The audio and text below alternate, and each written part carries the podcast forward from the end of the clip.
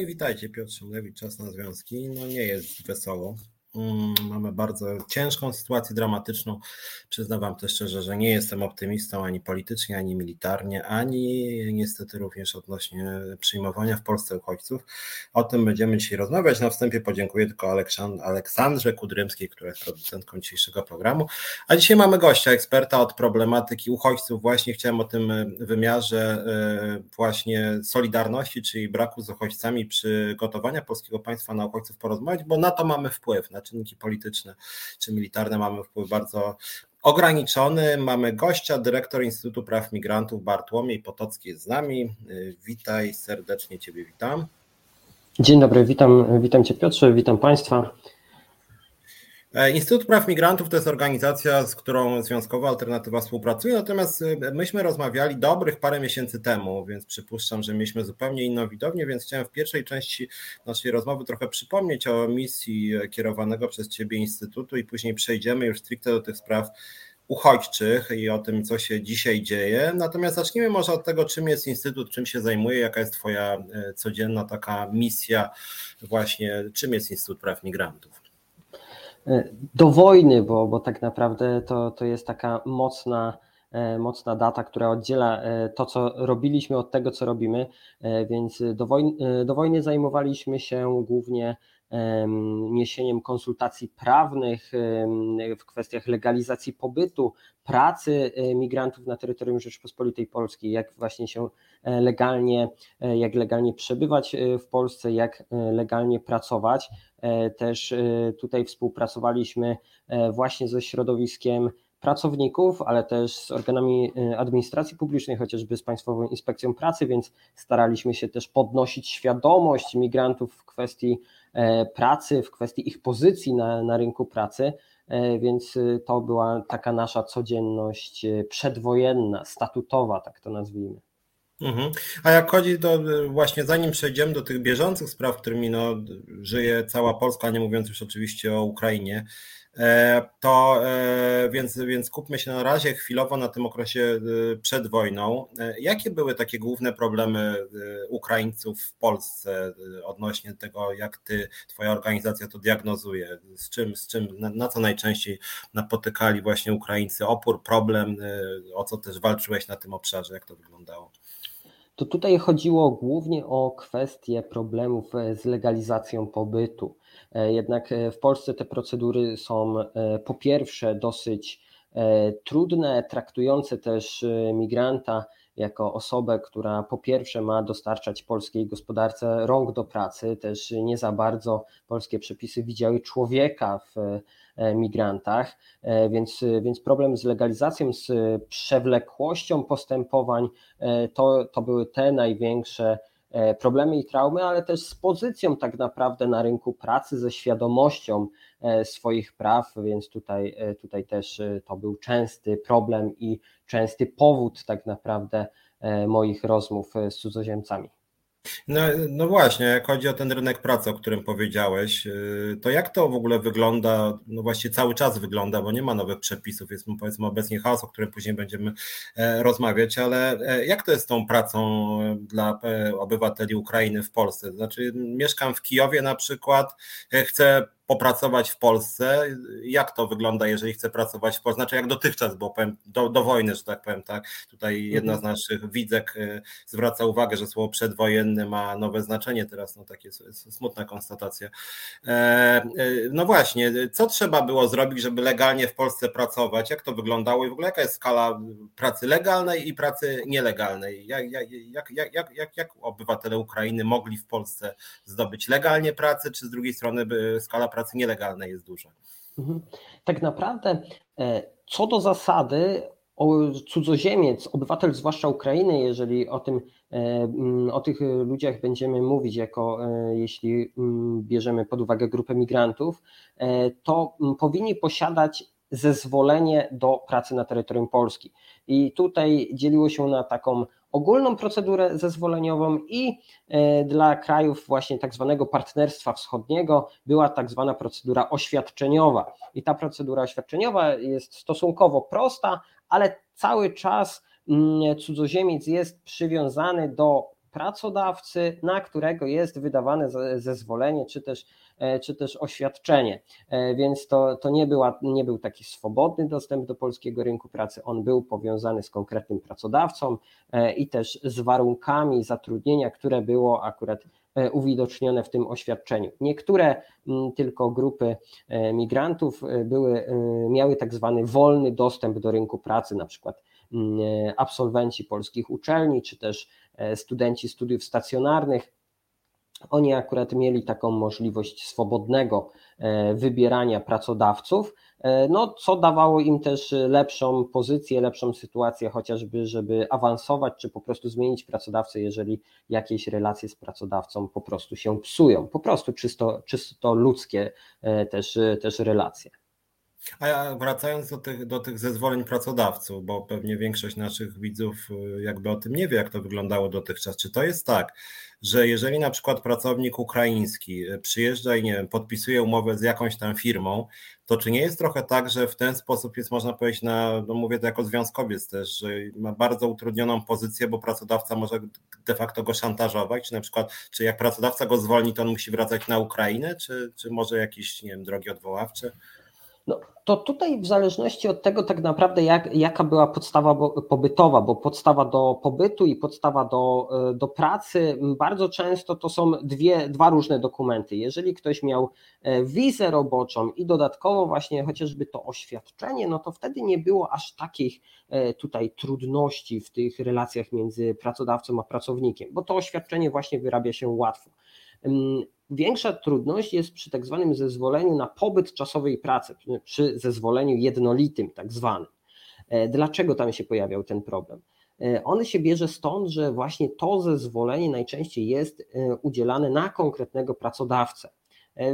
W większości, w większości sytuacji. No i kiedy mieliśmy taką, mm, taką rzecz, no to osoba tracąc pracę u konkretnego pracodawcy, traci jednocześnie cel pobytu na terytorium Rzeczpospolitej Polskiej. Więc faktycznie w tych relacjach, a to jest można powiedzieć docelowy status pobytowy cudzoziemca na terytorium Polski, bo wizy są krótkotrwałe, natomiast zezwolenia na pobyt czasowy to jest taki docelowy e, forma akurat y, legalnego pobytu. No i w tych sytuacjach po prostu faktycznie pracodawca zyskuje taką przewagę, nie tylko rynkową, ale po prostu pobytową e, i, i faktycznie uzależnia od e, siebie pracownika, zwłaszcza w tych województwach im trudniej jest otrzymać takie zezwolenie na pobyt czasowy i pracę.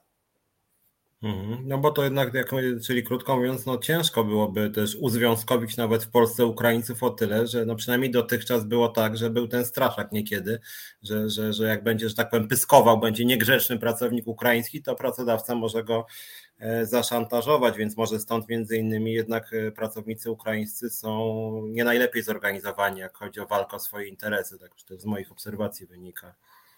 Ja sądzę, że to może być oczywiście jedna z przyczyn. Ty, tych przyczyn jest sporo, no i tutaj e, kultura pracy kraju pochodzenia też, też e, do tego się przyczynia, czyli niskie uzwiązkowienie na terytorium e, właśnie innych państw, czyli na terytorium Ukrainy czy na terytorium Białorusi, po prostu tam te związki zawodowe no, mhm. nie, nie, są, nie są popularne. Można powiedzieć, są popularne jeszcze mniej niż w Polsce, o, bo, bo my też życzylibyśmy sobie większego uzwiązkowienia e, naszych, e, naszych e, pracowników. Natomiast oczywiście, jeżeli tutaj nie, ma, nie mamy swobody poruszania się na rynku pracy, no to w żaden sposób nie możemy też mówić, że, że pracownik ma być odważny, no bo on nie może być odważny, nie może wykazywać się tak naprawdę właśnie odwagą, bo, bo to nie jest odwaga, wręcz brawura czy, czy czasami heroizm, E, kiedy, e, kiedy po prostu no, nie można e, sobie zaryzykować jedynie utratą, utratą stanowiska, ale też ryzykuje się utratą legalnego pobytu. Mhm. To przejdźmy może jeszcze chwilę, zanim do wojny przejdziemy, bo tu widzę, że komentują nasi widzowie trochę odnosząc się jednak do tego, co jest dzisiaj, ale może powiedzmy sobie, jak dotychczas było pod kątem, jak chodzi o łamanie praw pracowniczych migrantów. No, Ukraińcy stanowią większość migrantów, no twój ośrodek zajmuje się różnymi grupami, ale ogólnie rzecz biorąc, jakie są takie najczęstsze przejawy tego łamania praw pracowniczych właśnie na jakich polach najczęściej właśnie omijane są prawa pracownicze, jak chodzi o migrantów w Polsce?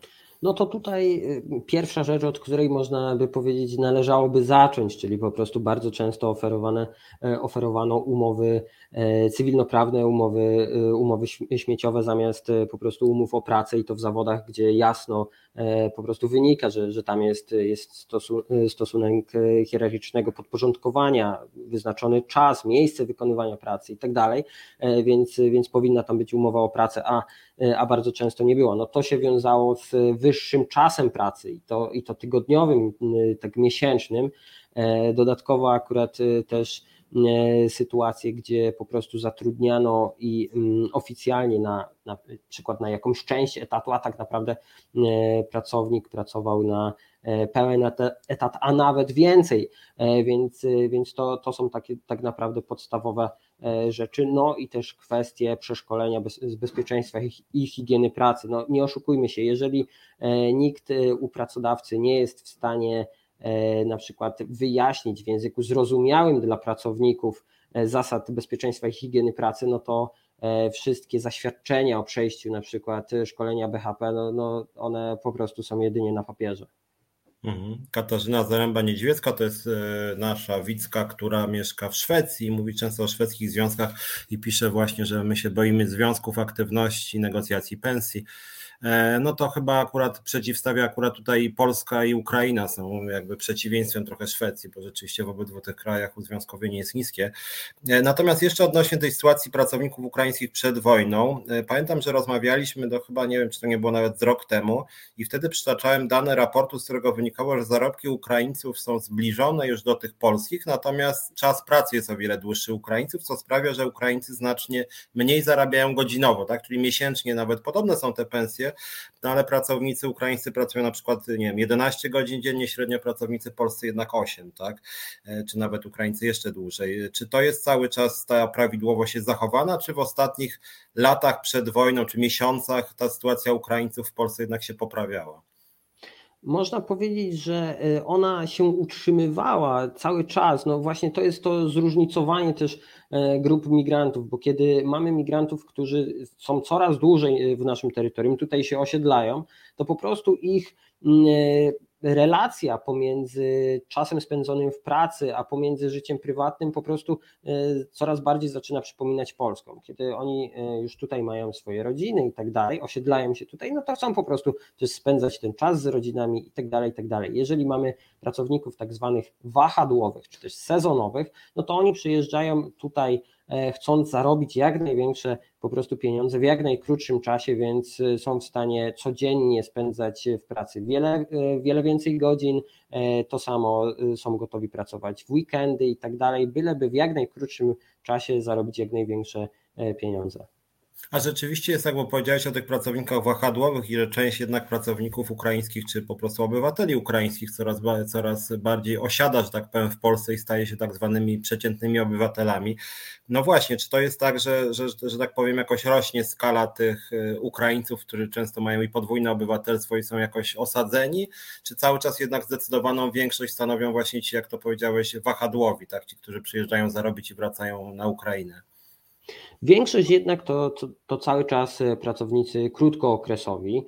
E, natomiast e, widzimy w badaniach, że coraz więcej osób deklaruje, że chciałoby w Polsce zostać na stałe, tak to nazwijmy, czyli badania przyjmują, że w okresie do trzech lat nie planuje wrócić do swojego kraju, prawda? No bo e, w mhm. dłuższej perspektywie no to już ciężko powiedzieć, więc, e, więc można, e, więc tutaj należy wysnuć taki wniosek, że coraz więcej chce zostać w naszym kraju, coraz więcej osób zaczęło zdobywać coraz lepsze stanowiska w swoich firmach, zaczęło awansować, zaczęło też pracować w pracach zgodnych z ich wykształceniem, a w związku z tym po prostu zaczynali mieszkać w naszym kraju, tak jak, tak jak po prostu my jako część społeczeństwa.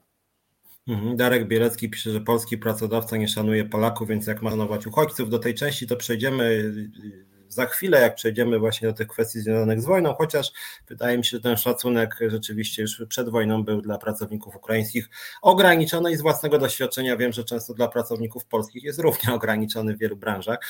Natomiast ostatnie pytanie, zanim przejdziemy właśnie do czasów wojny, właściwie co mnie bardzo martwi, duża część polskiego społeczeństwa i władz przede wszystkim zapomniała, że mamy teraz epidemię wojny no ale jest też epidemia, inna epidemia koronawirusa. Z tego, co ostatnio sprawdzałem, nawet w internecie, na, na, na oficjalne dane zaszczepionych pracowników ukraińskich jest 30, bodaj 6%, czyli jeszcze mniej niż w Polsce. E, ofiar dzisiaj w Polsce koronawirusa było blisko 300, e, o czym już właściwie to trudno było w ogóle znaleźć informacje na ten temat. E, no i właśnie, chciałem się spytać, jak epidemia wpłynęła na sytuację migrantów? No bo na początku ja pamiętam, jak to te pierwsze miesiące, no to był szok, w ogóle puste ulice. Jak to wtedy było? Czy, czy, czy była jakaś fala e, migracji, że część e, pracowników ukraińskich wróciło do kraju, czy oni zostali zwolnieni, e, czy jakoś koronawirus, ja nie mówię tylko o skutkach zdrowotnych, ale właśnie na rynku pracy, czy, czy, czy epidemia jakoś mocno uderzyła pracowników ukraińskich, czy akurat oni byli w tych zawodach, w których mniej uderzyło? Jak to wpłynęła epidemia na pracowników ukraińskich? Pracownicy ukraińscy w dużej części akurat znajdowali się w tych grupach, które bardzo mocno dotknął e, e, COVID, zwłaszcza na samym początku, prawda? Czyli branża turystyczna, czyli branże w ogóle zajmujące się, tak to nazwijmy, hotelarstwem, gastronomią i tak dalej, i tak dalej. Więc, więc tutaj akurat w te branże E, mocno, zwłaszcza na samym początku e, pandemia e, uderzyła i, i na początku to są dane nawet właśnie Straży Granicznej szacunkowo, że nawet ćwierć miliona Ukraińców wyjechało z Polski, przyjmując, że około 2 milionów obywateli Ukrainy w Polsce, w Polsce wtedy pracowało. Więc, więc dosyć, dosyć spora grupa. E, natomiast e, to był taki, taki pierwszy szok, ta pierwsza fala, e, zwłaszcza tutaj właśnie tak się dała we znaki. Później było już trochę lepiej, trochę inaczej. Pracownicy ukraińscy właśnie też przeszli pracować do produkcji, później to odbicie E, popandemiczne, które e, widzieliśmy, mimo tego, że, że pandemia się nie skończyła, tylko że już rynki troszkę przyzwyczaiły się do tego, gospodarki też zaczęły e, po prostu działać. No, w Polsce dobrze wiemy, że, że te ostatnie ostatnie restrykcje koronawirusowe, no, no to nawet nie wiemy, że zostały zniesione, bo po prostu one były tak, tak, tak, tak małe i tak niewielkie. E, a w związku z tym to, to odbicie popandemiczne faktycznie spowodowało, że e, osób z Ukrainy przyjechało jeszcze więcej, bo produkcja w Polsce ruszyła, bo, bo faktycznie tam e, potrzebowaliśmy pracowników i tutaj do, do prac prostych też sporo osób było przyjmowanych. Przejdziemy teraz do tego, co jest najsmutniejsze, no i z perspektywy tutaj też waszego działania bieżącego najważniejsze, czyli kwestii właśnie uchodźców. No i czytam, że już to jest właśnie kilkaset tysięcy. W krótkim czasie będzie pewnie milion Ukraińców, nowych uchodźców ukraińskich w Polsce, być może nawet i dwa miliony, zależy od tego, jak się będzie konflikt wojenny rozwijał, ale zacznę może od takiej trochę e, uwagi, e, kwestii zapomnianej nieco, mianowicie sytuacji z 2014 2015 roku, kiedy mieliśmy zajęcie przez Rosję Krymu i mieliśmy wtedy Majdan. I po Majdanie de facto była może nie jakaś wielka fala e, migracji ukraińskiej do Polski, ale tak naprawdę no, duża relatywnie. To właśnie wtedy e, Ukraińcy stali się taką bardzo dużą grupą e, właśnie pracowników też na rynku pracy. I pamiętam, że natknąłem się wtedy na raport, już nie pamiętam jednej z organizacji, która miała FER w nazwie międzynarodowej, i ona szacowała, że strasznie w Europie wzrosła skala niewolnictwa. Ja nie wiedziałem w ogóle o co chodzi, dlaczego w Europie się pojawiło niewolnictwo na rynku pracy. Po czym zacząłem grzebać w danych i się okazało, że Polska jest w dużej mierze odpowiedzialna właśnie za to niewolnictwo i że e, trudno mi było tam bardzo szczegółowych danych, ale niestety z tych danych wynikało, że skala niewolnictwa wzrosła właśnie wobec pracowników ukraińskich, tak, że ta fala wtedy, no właściwie nie uchodźców, bardziej migrantów, bo sytuacja gospodarcza na Ukrainie, w Ukrainie e, się mocno pogorszyła, e, więc to taka na początku moja uwaga, że ten przykład z 2015 roku no nie jest optymistyczny, jak chodzi o rynek pracy z tą polską Solidarnością. Mam nadzieję, że teraz będzie inaczej, więc to na początek taka smutna trochę konstatacja. Natomiast przechodząc do tego, co jest dzisiaj, no właśnie, nie, chcia, nie chciałbym dzisiaj też, proszę komentujących, może wolałbym nie rozmawiać na tematy militarne, nie mamy na to większego wpływu i to, że jakiś wywiad donosi, że Rosja tam zaplanowała, że to będzie w dwa tygodnie operacja. Trudno powiedzieć, co jest prawdą. Dzisiaj różne dokumenty krążą. Rosja może puszczać różne dokumenty, Ukraina może puszczać, więc nie chcę wchodzić tutaj w szczegóły militarne. Zresztą to jest program związkowy, a nie odnośnie geopolityki. Więc chciałem się skupić na tym, na tym, co jak na początku programu powiedziałem, co jest od nas jakoś tam zależne, czyli właśnie jak, jak, jak uchodźców przyjmiemy, jak im pomożemy, jak polskie państwo im pomoże, jak polskie społeczeństwo im pomoże. Więc zacznijmy od ogółu, a później do szczegółu. No właśnie, mówiłeś, że Instytut Praw Migrantów właściwie do wojny e, zajmował się właśnie między innymi pomocą prawną od, od e, początku konfliktu wojennego i właśnie, e, właśnie tej, tego napływu ludności ukraińskiej do Polski zmieniła się wasza działalność. E, no właśnie, e, jak teraz wygląda funkcjonowanie Instytutu Praw Migrantów? Zanim nawet porozmawialiśmy, sam zerknąłem, że właśnie we współpracy z Wrocławiem zaczęliście podejmować, e, podejmować pewne działania na tym polu. Jak to wygląda? Jak, jak Instytut Praw Migrantów obecnie funkcjonuje i jak tak ogólnie wygląda to przyjmowanie przez Was uchodźców? Tak, no wygląda to w taki sposób, że też staramy się robić to, na czym znamy się najlepiej, czyli konsultować z zakresu legalizacji, ale ta legalizacja jest inna, bo mamy osoby, które e, przyjechały bez żadnych dokumentów tak naprawdę pozwalających na, e, na przekroczenie. No, to podobnie jak z Polakami, nie każdy Polak ma wyrobiony paszport, prawda? Zwłaszcza w obecnej sytuacji, kiedy przecież granice Unii Europejskiej nie wymagają od nas paszportów, więc wyjeżdżamy sobie na dowód osobisty. No i część Ukraińców, która przecież nie planowała uciekać przed wojną, nie ma wyrobionych paszportów, więc e, formalnie e, te osoby nie mogą zalegalizować się w taki klasyczny sposób, więc pomagamy im wyjaśnić tą ich sytuację. E, dajemy też informacje co do, co do tego, E, jak wygląda e, pomoc humanitarna dla tych osób tutaj na miejscu, gdzie mogą się zakwaterować. Staramy się te, też udzielić jak najwięcej informacji w kwestiach dostępu do ochrony zdrowia, w kwestiach dostępu do edukacji, czy nawet czasowego, e, czasowej tutaj opieki nad, nad dziećmi. Trzeba pamiętać, że wśród uchodźców mamy bardzo dużo, dużo dzieci. E, też kwestia pomocy psychologicznej, gdzie można znaleźć psychologów ukraińskojęzycznych. To, to, to jest bardzo duży, e, duży problem. Polska przez, przez lata nie za bardzo zadbała o to, jak, na jakich zasadach wykonywać w Polsce zawód psychologa, więc to, to po prostu zostało zaniedbane, więc nie mamy jakiegoś oficjalnego polskiego na przykład rejestru e, psychologów, e, tak jak mamy to z tłumaczami przysięgłymi, czy samorządy, e, które mamy chociażby wśród adwokatów czy radców prawnych. Tutaj czegoś takiego nie ma u psychologów, więc tym trudniej szukać ich na rynku. Te osoby samodzielnie się zgłaszają do, i do nas i dzięki temu możemy kierować tą pomoc, ale to, to nie jest takie proste. Mhm, mhm. A różne są głosy odnośnie tego, kim są właśnie ci e, uchodźcy z Ukrainy. Jak, jak, jak, jak, czy te osoby, które się do ciebie zgłaszają, jak, chodzi o płeć, wiek czy wykształcenie, czy można powiedzieć, o, że jest to jakaś grupa, którą można jakoś, nie wiem, zdefiniować, czy to są bardzo różni ludzie? E, ja powiem tak, jeżeli chodzi o, o płeć i wiek, to będzie najprościej, bo to są e, kobiety, i dzieci. E, więc, więc tutaj są kobiety i dzieci. Ukraina nie wypuszcza e, obywateli Ukrainy płci męskiej od 18 do 60 roku życia, więc, więc to, to w większości są kobiety i dzieci. Jeżeli chodzi o wiek, przeważają osoby młode nazwijmy to do wieku jakiś około 40 lat, można by powiedzieć. Dlaczego? Wydaje, wydaje nam się, ale to, to faktycznie to jest coś, co na podstawie naszych e, tutaj wewnętrznych obserwacji widzimy, że, e, że bardzo często osoby starsze twierdzą, że już całe życie przeżyły tam, u siebie, w domu, na Ukrainie i nie zamierzają, nie mają ochoty po prostu tutaj e, wyjeżdżać do, do obcego kraju, którego języka nie znają, których ludzi nie znają, gdzie, gdzie nigdy nie byli, e, co, co bardzo często jest trudne dla mojego zespołu na przykład, bo, bo mój zespół w większości jest po prostu e, ukraiński i w związku z tym e, ja składam na, naprawdę wielkie uznanie dla, dla moich ludzi, którzy po prostu chce im się płakać, ale, ale pracują, pomagają innym i to jest naprawdę godne uznania. Mhm.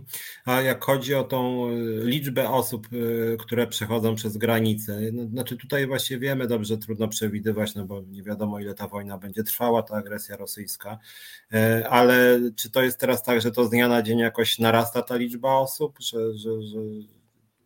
Do tej pory tak było. Mamy informacje zbiórcze, zbiorcze Straży Granicznej, więc e, w tym momencie akurat e, możemy stwierdzić, że z każdym dniem tak, tak narastało. E, mieliśmy pierwszy dzień, gdzie, gdzie to było około 20 tysięcy osób. E, wczoraj, dane za wczoraj e, tutaj pokazały już 100 tysięcy osób dziennie. Ciężko powiedzieć, czy to będzie wzrastać też z powodów możliwości przerobowych, kolokwialnie mówiąc, służb granicznych i, i polskich, i ukraińskich też y, służby pod tym kątem robią co mogą, te, też y, nie na wszystkich przejściach granicznych, ale na części przejść granicznych e, już są prowadzone e, jednolite e, kontrole, czyli po prostu wspólne polsko-ukraińskie, tak, tak żeby ten czas skrócić. Mm, tutaj my mamy też możliwość otwarcia Schengen busów, żeby dodatkowe były kontrole graniczne, ale trzeba pamiętać, że z drugiej strony E, funkcjonariusze ukraińskiej e, prykordonnej służby muszą, e, muszą też być i, i mieć możliwość robienia tutaj tych kontroli, a pamiętajmy, że duża część prykordonnej służby Ukrainy została odesłana na front. Mhm. A jak oceniasz ten sposób przyjmowania uchodźców? Bo rzeczywiście jest tak, że jak patrzeć po polskich mediach, no to rzeczywiście jest taka, nawet widzę to na Facebooku, po znajomych, jest taka e, euforia trochę bym powiedział, może złe słowo, no bo jest dramatyczna sytuacja, więc może entuzjazm bardziej odnośnie właśnie tego, że jest taki duży zryw obywatelski właśnie, że, że, żeby, żeby uchodźcom ukraińskim pomagać. E, również rząd y, mówi, że zdajemy egzamin i to nawet i władza i opozycja właściwie mówi o tym zdawaniu egzaminu. E, jak na tą chwilę to oceniasz właśnie ten sposób przyjmowania uchodźców, tak próbując trochę się zdystansować od jakichś emocji, jak twoim zdaniem to wygląda? E, tu, tutaj tak w pewnym sensie to jest y, mm, taki miks, to, to jest taka mieszanka e, partyzantki z działaniem systemowym, tak to nazwijmy, gdzieś zręby działania systemowego, czyli na przykład mm, tutaj kwestia, mm, kwestia tych punktów recepcyjnych, które zostały powołane E, na granicy. W tym momencie jest ich dziewięć. E, to daje nadzieję na to, że akurat e, ta administracja działa sprawnie, ale ona ma w sobie sporo luk, dziur co dotyczących przewozu ludzi właśnie od punktów recepcyjnych już na miejsce, dotyczących informacji, gdzie, ile jest miejsc gwarantowanych przez państwo, w jakim stopniu one już są wypełnione, żeby to było raportowane na przykład po każdym dniu i tak dalej, no to tutaj widać, że te dziury są w tym systemie, e, w, w systemie publicznym. E, dodatkowo no, e, punkty recepcyjne moim zdaniem powinny być tutaj rozszerzone, powinno być ich więcej, tak żeby y, ci ludzie faktycznie mogli tam realnie wypocząć, więc w tym momencie mogą zjeść posiłek, mogą dostać doraźną pomoc medyczną, to i tak dobrze i do, dobrze, że, e, że to jest, nie, nie należy tego negować, ale z drugiej strony właśnie e, można powiedzieć, że oni nie mogą spędzić tam na przykład nocy w jakichś, w jakichś dobrych e, warunkach, tylko swego rodzaju po zjedzeniu posiłku czy, czy jakiejś właśnie doraźnej pomocy medycznej powinni ruszyć w dalszą drogę e, prawda? A e, trzeba pamiętać, że po stronie ukraińskiej, w zależności od przejścia, stoi się 30-40 godzin, więc, e, więc ci ludzie są w takich warunkach przemarznięci, zmęczeni, po prostu, po prostu też troszeczkę schodzi już adrenalina z nich po przejściu tej granicy, więc w końcu chcieliby choć troszkę wypocząć bardziej, lepiej. Mhm. Znaczy ja to w ogóle mam takie trochę wrażenie i to jest jakby główny mój powód niepokoju, że mam takie wrażenie, że trochę ta energia wygląda jakby ludzie chcieli pomagać przez 4 dni i licząc za 4 dni to się skończy wojna i wszyscy wrócą do siebie i wszystko to się ułoży.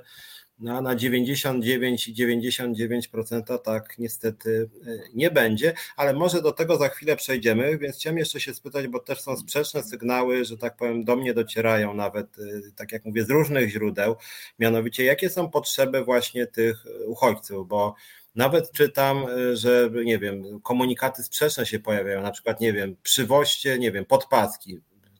Inna grupa odnośnie tego samego miejsca, jest za dużo podpasek, tylko nie to.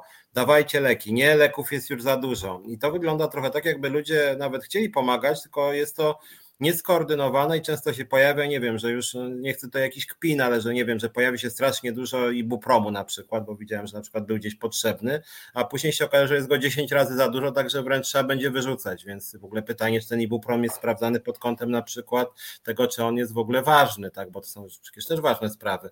Więc jak to jest? Czy, czy, czy, czy, można jakoś określić potrzeby, czy, te, czy, czy ta dystrybucja potrzeb jest jakoś zorganizowana? Bo mówię, do mnie są sprzeczne sygnały i czasem aż tak człowiek chce pomóc i trochę nie wie wie jak, bo chce dać ubrania, po czym z trzech miejsc się pojawia, że ubrań już jest w ogóle za dużo. Trochę jest też tak, że ktoś rzuca sygnał i później pomoc jest 10 razy większa niż to była e, potrzeba i nie wiedzą w ogóle co z tym robić. No jest taki trochę chaos. Jest, jest tutaj, e, tutaj chaos i szczerze powiedziawszy, no z tym, e, z tym Polska w dużej mierze tutaj jakoś się mm, mierzy i musi sobie z tym poradzić. Y, bo właśnie, no, tak, tak jak mówisz, bardzo często y, ludzie chcą pomagać, chcą pomagać tak jak mogą i kiedy tylko widzą jakąś, jakąś zbiórkę, też się w nią e, włączają. E, I przykład tutaj z ibupromem czy, czy z czymkolwiek innym, to, to jest bardzo dobry przykład, bo e, jeżeli chodzi o leki, tak naprawdę to Ibuprom e, ma dosyć i tak długi termin ważności, ale są takie leki, które mają krótki termin przydatności, a i tak są stosunkowo drogie i nie ma sensu tak naprawdę kupować, zaopatrywać się w te leki, jeżeli to jest ponad potrzebę, prawda? E, więc lepiej tutaj e, albo wpłacać te pieniądze, jeżeli się i tak już kupuje, bo coś zupełnie innego, jak ktoś jest farmaceutą na przykład i potrafi jakiś lek zrobić i by go zrobił za dużo na przykład, prawda? Ale jeżeli my i tak musimy iść do apteki i to kupić, to lepiej za, e, te pieniądze przeznaczyć właśnie na jakąś zbiórkę, tylko jakąś sensowną, która, która jest na przykład przez Polski Czerwony Krzyż, robiona, czy przez Polską Akcję Humanitarną. Jeżeli nie wiemy tak naprawdę, która zbiórka jest dobra, to te największe, największych organizacji, najbardziej znanych też i zaufanych, to będą najlepsze zbiórki tak naprawdę. E, więc, e, więc tak naprawdę e, tutaj w ten sposób. Mm, dobry też jest przykład z ubraniami, bo ubrań faktycznie jest w większości już, już za dużo. A dodatkową drugą rzeczą, która, e, która się pojawiła przy ubraniach, to e, chęć wymiany szaf przez, przez Polki i Polaków. Jest bardzo dużo na przykład rzeczy letnich w tych, w tych zbiórkach, które się e, mm. trafiały. A no mamy 2, 2 marca, jest stosunkowo chłodno, przynajmniej tu u mnie we Wrocławiu, nie wiem, nie wiem jak, jak w Warszawie, ale, ale tu jest stosunkowo chłodno i pogoda jest, jest zimowa w tym momencie, więc ubrania letnie nie są nam w ogóle potrzebne. E, dlatego pomoc, pomagać, pomagać z głową i właśnie te, to, co też e, powiedziałeś, e, to się nie skończy w cztery dni. Mamy taką sytuację i mieliśmy ją na początku, że zaczęliśmy tworzyć bazę właśnie wolontariuszy, E, tak, żeby można było napisać, e, mm, czym się zajmujemy, bo najlepszy wolontariusz to taki, który zazwyczaj za swoją pracę bierze pieniądze, ale teraz chce ją robić za darmo, bo mamy świadomość wtedy, że na tym się zna po prostu. E, I, I tutaj, jeżeli, jeżeli były, była właśnie wypełniona taki, taki formularz, no to ze względu na potrzeby po prostu oddzwanialiśmy i pytaliśmy o możliwość wsparcia. E, no i należy sobie wyobrazić, że ludzie mm, po kilku godzinach od wypełnienia takiej ankiety przychodzili do nas i mówili, no bo nie zadzwoniliście, więc, więc chcemy pomóc. No, e, już w tym momencie, czyli, e, czyli 7 dni później zdarzają się takie sytuacje, że już dzwonimy na, na numer i, i teraz się pojawia no nie, no bo, no bo ja już mam plany na ten tydzień, prawda? No, no właśnie o to chodzi, po to po to jest, jest ta baza, żebyśmy byli świadomi, że jak się wpiszemy, no to za jakiś czas później możemy być przydatni, bo ludzie, którzy faktycznie zaczęli nam pomagać pierwszego dnia i, i pomagają na przykład do dzisiaj, no to, to byli ludzie, którzy spali po 4-5 godzin prze, przez ten tydzień po prostu. Mhm. E, tutaj jakieś dwa pytania e, uzupełniające się, to znaczy tak, chciałem się spytać, jak wygląda przyjmowanie dzisiaj uchodźców ukraińskich pod kątem instytucjonalnym, ich rejestracji. E, wydaje mi się, że to jest bardzo ważne, bo na przykład jak mówimy o jakichkolwiek świadczeniach społecznych dla nich, objęcie ich opieką zdrowotną, no to jakiś papier trzeba pokazać w ewidencji nawet, tak? I czy tu jest jakiś system zorganizowany, a z drugiej strony Anna 333 pyta, pytanie do gościa, o co zadbać, czego dopilnować, jeśli przyjmuje się uchodźców, jakich formalności dopilnować. Jak to dzisiaj wygląda? Bo wiemy, wiemy, że część osób e, przyjmuje uchodźców do swoich mieszkań po prostu.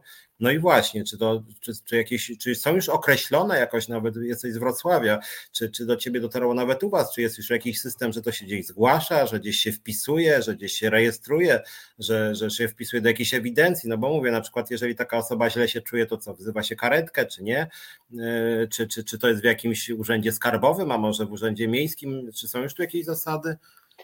Dlatego każdy, każdy tutaj e, uchodźca powinien przejść przez punkt recepcyjny, właśnie ten, który jest na granicy, jeden z tych, który jest na granicy, e, ponieważ wtedy on jest wciągany do rejestru e, i na podstawie tego rejestru w tym momencie się tego rejestru nie sprawdza, ale później, na przykład, jeżeli osoba taka dojechałaby do Wrocławia i tu skorzystała z usług medycznych, to w tym momencie Narodowy Fundusz Zdrowia finansuje te usługi medyczne, ale to Narodowy Fundusz Zdrowia, zanim zapłaci szpitalowi, to oczywiście sprawdzi, czy ta osoba zarejestrowała się w punkcie recepcyjnym. Jeżeli się nie zarejestrowała, no to najprawdopodobniej będą to, to usługi odpłatne i wtedy rachunek wystawi się tej osobie.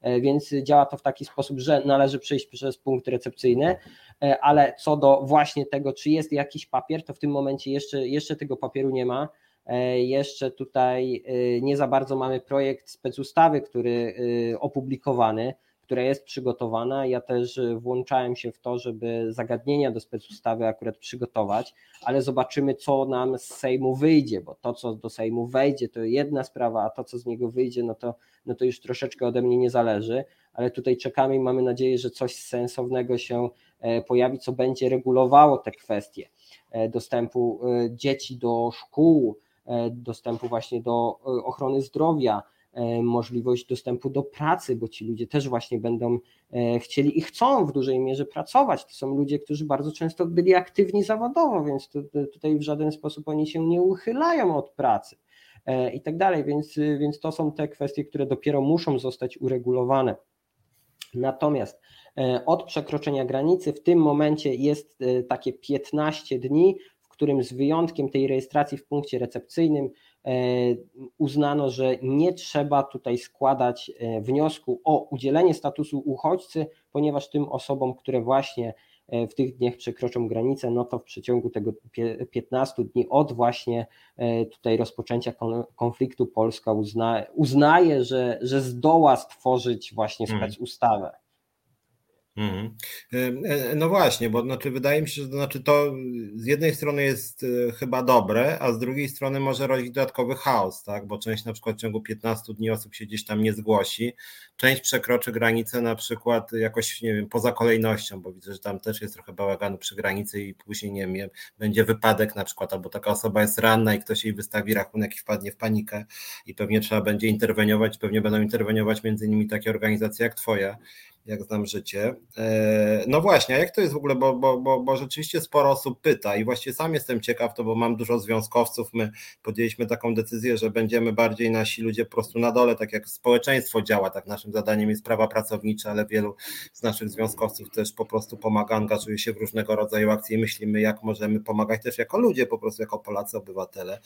E, no ale jak to jest właśnie z tym zameldowaniem, jeszcze odnośnie tego, co, powie, co napisała tutaj e, Anna 333, E, czy, czy widzisz w ogóle, że jest jakiś plan zameldowania uchodźców? Bo myśmy na przykład apelowali do, do ZUS-u, żeby przyjął do swoich placówek i z tego co widzieliśmy, nawet ZUS rzeczywiście e, zgodził się, że część tych swoich placówek hotelowych odda, bo ma ich sporo. Też wojsko na przykład ma, e, jest policja też sporo ma, w ogóle sporo instytucji ma, bo być może nawet dla części uchodźców nawet byłoby lepiej, gdyby mieli po prostu samodzielne siedziby wynajmowane jakoś przez państwo czy samorząd, niż na przykład, żeby miał miały jeden pokój u jakiejś rodziny, gdzie nawet kwestia no nawet jakiejś dyskrecji, tak intymności.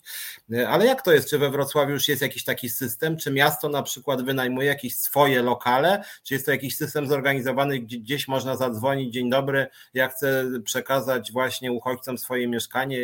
Jest już jakiś taki plan, czy na razie jest w powijakach? No tak, we Wrocławiu zajmuje się tym Centrum Zarządzania Kryzysowego. Y, tutaj, jeżeli chodzi bardziej o pomoc instytucjonalną, no to jest w akademikach y, wrocławskich, mhm. Y, tutaj są takie miejsca, ale jeżeli osoba chce się zgłosić prywatnie, to też może właśnie zgłosić się do Centrum Zarządzania Kryzysowego i, i powiedzieć jaki, o swoim adresie i o możliwościach mieszkaniowych. Natomiast ja z tego miejsca, miejsca pozwolę sobie akurat powiedzieć, żeby to bardzo dobrze przemyśleć. Bo ja właśnie rozumiem ten pierwszy odruch serca, chcemy przyjąć kogoś, tylko że proszę pamiętać, że to są bardzo często będą właśnie kobiety z małymi dziećmi. Jeżeli my jesteśmy na przykład, nie wiem, parą osób w wieku 30-30 kilku lat, gdzie nie mamy własnych dzieci, to samotna matka z kilkorgiem dzieci może e, naprawdę zaburzyć, tak to nazwijmy, nasz rytm dotychczasowy. E, I dodatkowo to może być, zwłaszcza ta kobieta w tym momencie, może być to osoba, która bardzo będzie to wszystko przeżywać, bo jej mąż, partner bardzo często został tam na miejscu e, walczyć w oddziałach obrony terytorialnej mm, i tak dalej, i tak dalej, więc, więc ta osoba może, może tutaj mieć e, na przykład depresję, a może mieć też zespół stresu pourazowego z tego względu, że na przykład widziała bombardowania własnego miasta, E, w nocy. Drodzy Państwo, to są obrazy, których naprawdę się nie zapomina. E, więc, e, więc tutaj to może być bardzo, bardzo trudne dla nas w takiej dłuższej perspektywie przyjąć, przyjąć takie osoby pod swój własny dach i, i dla nich też. Dlatego właśnie tak jak stwierdziłeś, taka pomoc instytucjonalna, gdzie po prostu on, te osoby dostałyby coś w rodzaju własnego pokoju, jak właśnie pokoje w akademiku, prawda, to jest taka namiastka swojej własne, swojego własnego mieszkania, co daje właśnie takie, takie poczucie i intymności, ale te, też możliwości tutaj e, trochę te, też zmusza do, mm, do kwestii do kwestii akurat e, tutaj takiego, kolokwialnie mówiąc, wzięcia się w garść po prostu i też zaopiekowania tymi swoimi na przykład dziećmi i nie rozpamiętywania tego, że właśnie tam ciągle jest, jest ten nasz E, nasz partner.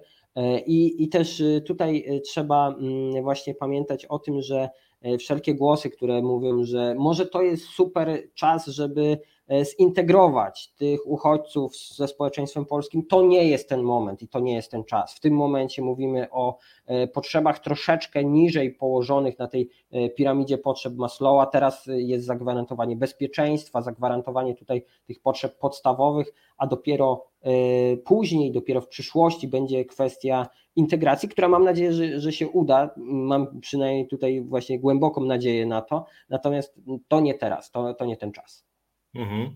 A jeszcze jak chodzi o to, co zacząłeś trochę mówić odnośnie tego systemu świadczeń, yy, słyszałem, minister Maląg powiedziała, że Ukraińcy będą objęci programem Rodzina 500 i nawet tam częścią innych świadczeń socjalnych. E, ja oczywiście się cieszę, uważam, że, znaczy ja w ogóle uważam, że powinny, że, że muszą być te świadczenia socjalne, dlatego że no, y, oczywiście część tych pracowników będzie, będzie chciała pracować i bardzo dobrze, znaczy część migrantów, natomiast no, z drugiej strony e, matka z trójką małych dzieci, no to najpierw musi być jakaś opieka żłobkowa czy przedszkolna i to będzie stopniowo na pewno, więc zresztą nawet jeżeli w Polsce ludzie pracują, to jeżeli mało zarabiają, to też pewne świadczenia od państwa jednak mają. Tylko właśnie jak to postrzegasz i te te deklaracje, czy, czy, czy, czy na przykład dzisiaj w ogóle, już znaczy dzisiaj, czy przed wojną, istniał już jakiś system świadczeń socjalnych dla, dla Ukraińców w Polsce? Czy oni dostawali jakieś świadczenia socjalne, nawet jakieś te, które Polacy dostają, czy mieli jakiś swój własny system świadczeń? Jak to wyglądało? Czy z Ukrainy dostawali? Część akurat obywateli Ukrainy e, tutaj była objęta świadczeniami, na przykład takimi jak właśnie świadczenie 500. No, tutaj taki sztandarowy przykład, czyli cudzoziemcy, którzy E, których dzieci miały pobyt, stałe miejsce pobytu na terytorium Polski, e, a e, sami cudzoziemcy mieli dostęp do rynku pracy, czyli po prostu pracowali, kolokwialnie mówiąc, mogli zostać objęci świadczeniem 500. więc, więc tylko i wyłącznie do tej grupy było, było to sprowadzone, ale oni jak najbardziej mieli tutaj ten system.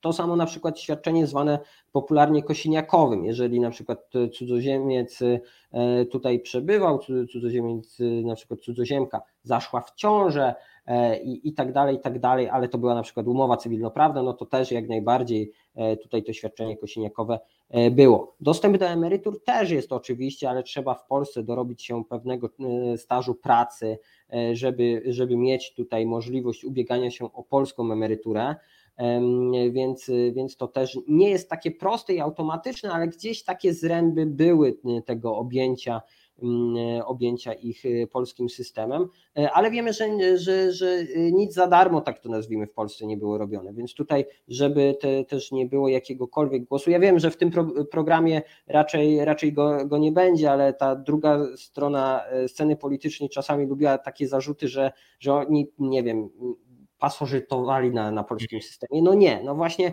e, osoba, która nie pracowała, które, która w żaden sposób tutaj nie, nie dokładała się do, polskiemu, do polskiego systemu, to, to nie miała prawa do świadczeń i czasami nawet y, na niekorzyść, bo mieliśmy osoby w niektórych trudnych sytuacjach, gdzie, gdzie one powinny jednak te prawo do świadczeń mieć, e, czy z winy polskiej administracji po prostu nie miały jeszcze na przykład właśnie tej karty pobytu i dlatego e, tutaj nie miały prawa do, do niektórych e, świadczeń.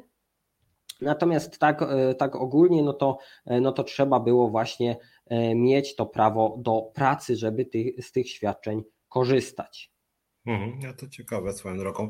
E, kolejna, kolejny wymiar integracji, czyli szkolnictwo. E, minister Czarnek zadeklarował, że szkoły są gotowe na przyjęcie dzieci z Ukrainy.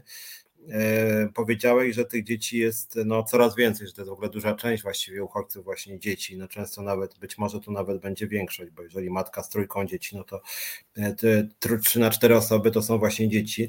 No jak to twoim zdaniem jest? Czy rzeczywiście szkoła polska jest twoim zdaniem przygotowana na przyjęcie dzieci z Ukrainy? Bo teraz mówię intuicyjnie, no, no kluczowa bariera oczywiście językowa, tak? Mogą też się pojawić e, pewnego rodzaju problemy z ciągłością nauczania, tak? Mogą się pojawić problemy no też z przekazem, no bo nie oszukujmy się, ta wizja szkoły ministra Czarnka jest mocno nacechowana ideologicznie, nie zawsze wobec Ukrainy też chyba przychylna z tego, co słyszymy czasem wypowiedzi niektórych przedstawicieli władzy, no ale generalnie kluczowe takie sprawy strategiczne, nawet y, już pomijam te ideologiczne nawet, tak? Czy rzeczywiście polska szkoła jest przyjęta na przykład na przyjęcie 250 tysięcy dzieci ukraińskich.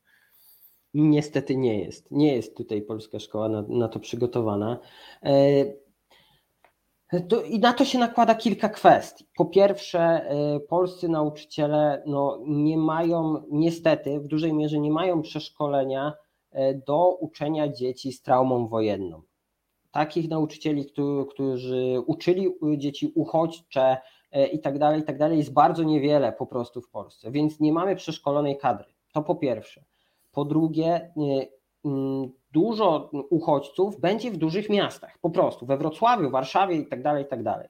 No i zobaczmy, jak w tym momencie wygląda edukacja w tych dużych miastach. No tam te szkoły już są przepełnione, bo, e, bo za PRL-u te szkoły wybudowaliśmy, a teraz jeżeli nowa szkoła się buduje teraz, no to to jest święto tak naprawdę. E, więc, e, więc po prostu te, te szkoły już pracują na przykład na dwie zmiany. E, a no, nie wyobrażam sobie, żeby dzieci uczyły się na trzy zmiany. No, no, no naprawdę, już sobie takiej sytuacji nie wyobrażam. Więc dodatkowo brakuje nam nauczycieli. Niskie pensje spowodowały, że jest to nieatrakcyjny po prostu zawód, a to powoduje, że po prostu coraz mniej jest ludzi, którzy, którzy chcą tam podjąć pracę. Także tu, tutaj kwestie programu nauczania. E, trzeba by się zastanowić e, akurat, e, czy nie podzielić na przykład języka polskiego na dwa przedmioty, czyli polska gramatyka i, i nauka o języku, tak to nazwijmy, a z drugiej strony literatura, żeby literatura była czytana po polsku, ale żeby stwierdzić, że literatura polska jest częścią literatury światowej, żeby te dzieci nie czuły dysonansu poznawczego tak naprawdę. Ale to wszystko, o czym mówimy, to jest już tak naprawdę głęboka reforma szkolna, która powinna nastąpić do, do, czegoś, do czegoś takiego. Nauka historii. Niestety nauka historii w polskich szkołach bardzo często polega na tym, że albo byliśmy zwycięzcami, albo przegraliśmy, ale moralnie i tak byliśmy zwycięzcami. Więc tak naprawdę nie ma, nie ma tutaj obiektywnej nauki o dziejach po prostu czyli tego, czym powinna być historia, a jest bardzo często jednak y, to taka takie nauczanie patriotyczne w wersji polskiej. O, tak byśmy to, by, byśmy to nazwali. Y, więc jeżeli chcielibyśmy przestawić naszą szkołę do procedur nauczania y, osób, które nie są Polakami w kwestiach etnicznych, narodowościowych, no to tak naprawdę w tym momencie należy powiedzieć, że polska szkoła do tego jest nieprzygotowana. Mhm. No, smutna konstatacja. To kolejny wymiar w takim razie, mianowicie ochrona zdrowia. E, znowuż słyszymy że ze strony rządowej, że, że polska ochrona zdrowia jest przygotowana. No tu może być ciężko, tak? Dlatego, że tych rannych pewnie będzie coraz więcej. Powiedziałeś już o tym stresie pourazowym, jak chodzi o wpływ na szkolnictwo, ale przecież ten stres y, czy jakaś trauma to też jest problem no, medyczny, nazwijmy to przynajmniej związany z szeroko rozumianą ochroną y, zdrowia, więc część tych osób pewnie już potrzebuje profesjonalnej opieki psychologicznej. Zresztą gdybym, gdybym uciekał z kraju objętym wojną, jeszcze później 40 godzin stał na, y, przy granicy też niedaleko, której bomby mogą śmigać i takie zewsząd mam doniesienia też pewnie z moją psychiką byłoby bardzo źle tak, a to są też często dzieci. No właśnie, jak to jest z tym przygotowaniem, tak jak patrzysz właśnie polskiej, polskiego systemu ochrony zdrowia właśnie na przyjęcie dużej liczby uchodźców? To, to tutaj no niestety znowu nie powiem, żeby to było jakoś napawało bardzo dużym optymizmem.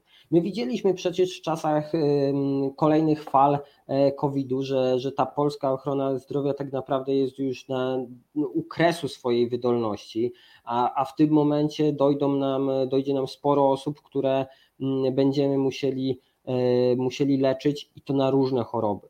E, w tym momencie razem z Biurem Rzecznika Praw Obywatelskich tutaj apelowaliśmy i z tego co wiem, to, to się udało. Będą tworzone specjalne pociągi humanitarne, które będą z, e, ze szpitali w Lwowie, w Tarnopolu, w Iwano-Frankiwsku, ale też w Równym Łódzku i, e, i, w, i z innych miejscowości zwozić na przykład pacjentów onkologicznych, pacjentów, którzy potrzebują bycia ciągle pod respiratorem, pod systemem tlenowym i tak dalej, i tak dalej, bo po prostu tego wszystkiego zaczyna brakować, więc to nie tylko ranni żołnierze i tak dalej, którzy trafią do nas, ranni cywile w wyniku właśnie ostrzałów, bombardowań celów cywilnych, ale też po prostu ludzie, którzy do tej pory chorowali tak samo jak my, na, na, na zwykłe choroby, które po prostu, e, po prostu dotyczą naszego społeczeństwa, oni też no jednak muszą zostać ewakuowani. No drodzy Państwo, no, była historia kobiety, która urodziła w punkcie recepcyjnym,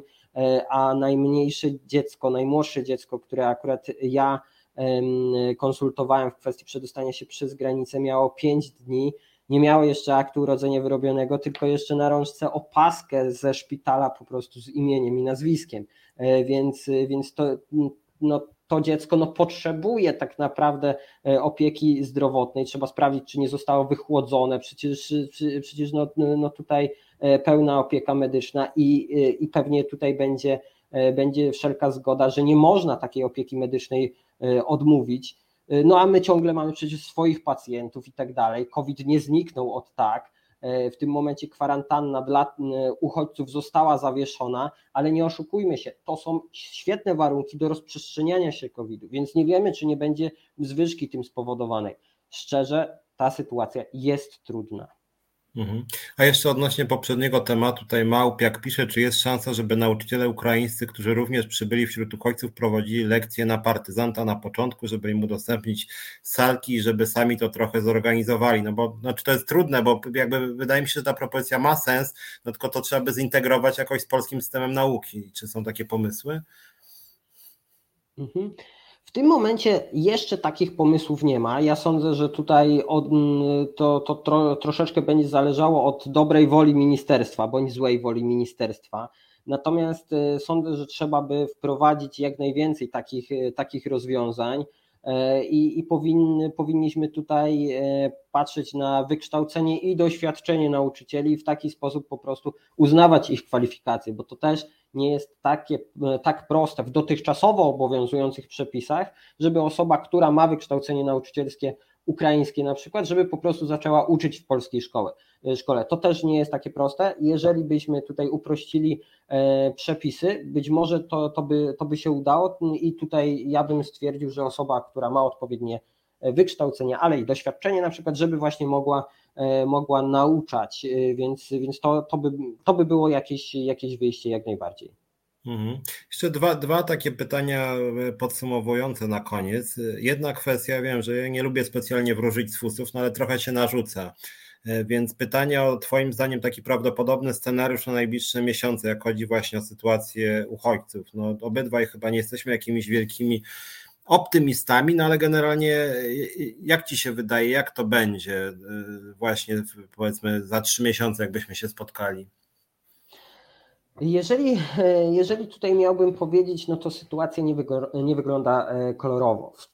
Dane na wczoraj, podsumowanie dnia wczorajszego, właśnie 450 tysięcy e, uchodźców. Jeżeli, e, jeżeli powiemy o dzisiaj wieczorem, no to prawdopodobnie 100 tysięcy więcej. E, więc prawdopodobnie już ponad e, pół miliona. Wojna ciągle trwa, e, więc czy dobijemy do, do dwóch milionów? Ja sądzę, że, że nie czy, a kiedy. Więc, więc raczej, raczej to, to jest pewne. I za trzy miesiące jest opcja dobra, jest opcja, która niesie ze sobą nadzieję. I tutaj w pewnym sensie zdradzę tutaj, tutaj Państwu tę taką tajemnicę Rzecznik Praw Obywatelskich mocno zabiega w Komisji Europejskiej, żeby Komisja Europejska po prostu e, rozdzieliła e, i zgodnie z dyrektywą po prostu pozwoliła na wjazd e, dobrowolne, tak zwaną dobrowolną relokację uchodźców we wszystkich krajach Unii Europejskiej. Mm, tylko, że to jest, drodzy Państwo, troszeczkę ich od losu, bo kiedy kilka lat temu mówiono o relokacji uchodźców, to Polska była jednym z tych krajów, które mówiły twarde nie, a w tym momencie e, no też, też nie robi tego obecna władza, tylko właśnie Rzecznik Praw Obywatelskich, ale i też część partii, partii tutaj lewicowych, bo te, też akurat jestem, e, jestem w kontakcie i, i też, też starają się zabiegać na forum e, wśród swoich kolegów też z partii lewicowych w Parlamencie Europejskim o to, żeby, żeby do takiej dobrowolnej E, mhm. relokacji uchodźców doszło, bo część tych osób po prostu ma jakichś dalszych znajomych nawet, którzy mieszkają we Francji, w Hiszpanii i ci dalsi znajomi czy dalsi krewni e, mówią, że jak najbardziej pomogliby znaleźć pracę i tak dalej, i tak dalej w tym kraju, więc, więc po prostu to, to jest jakaś, jakaś dobra nadzieja na to, jak się, e, jak, jak byśmy się spotkali za trzy miesiące,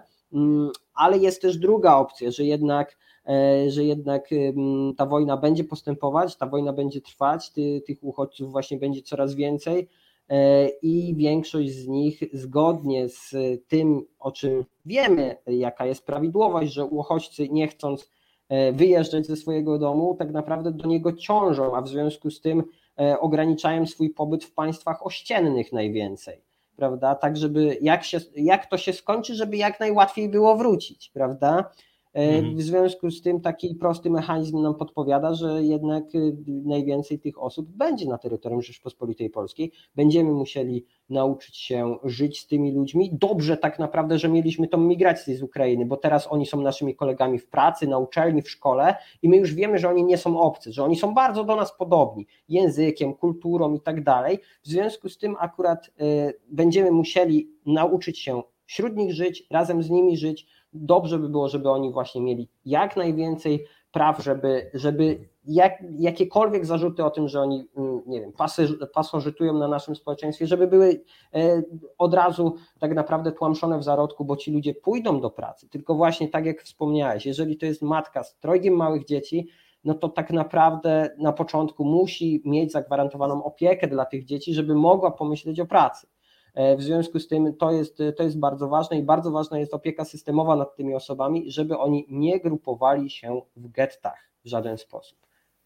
Hmm, no tak, to ważne.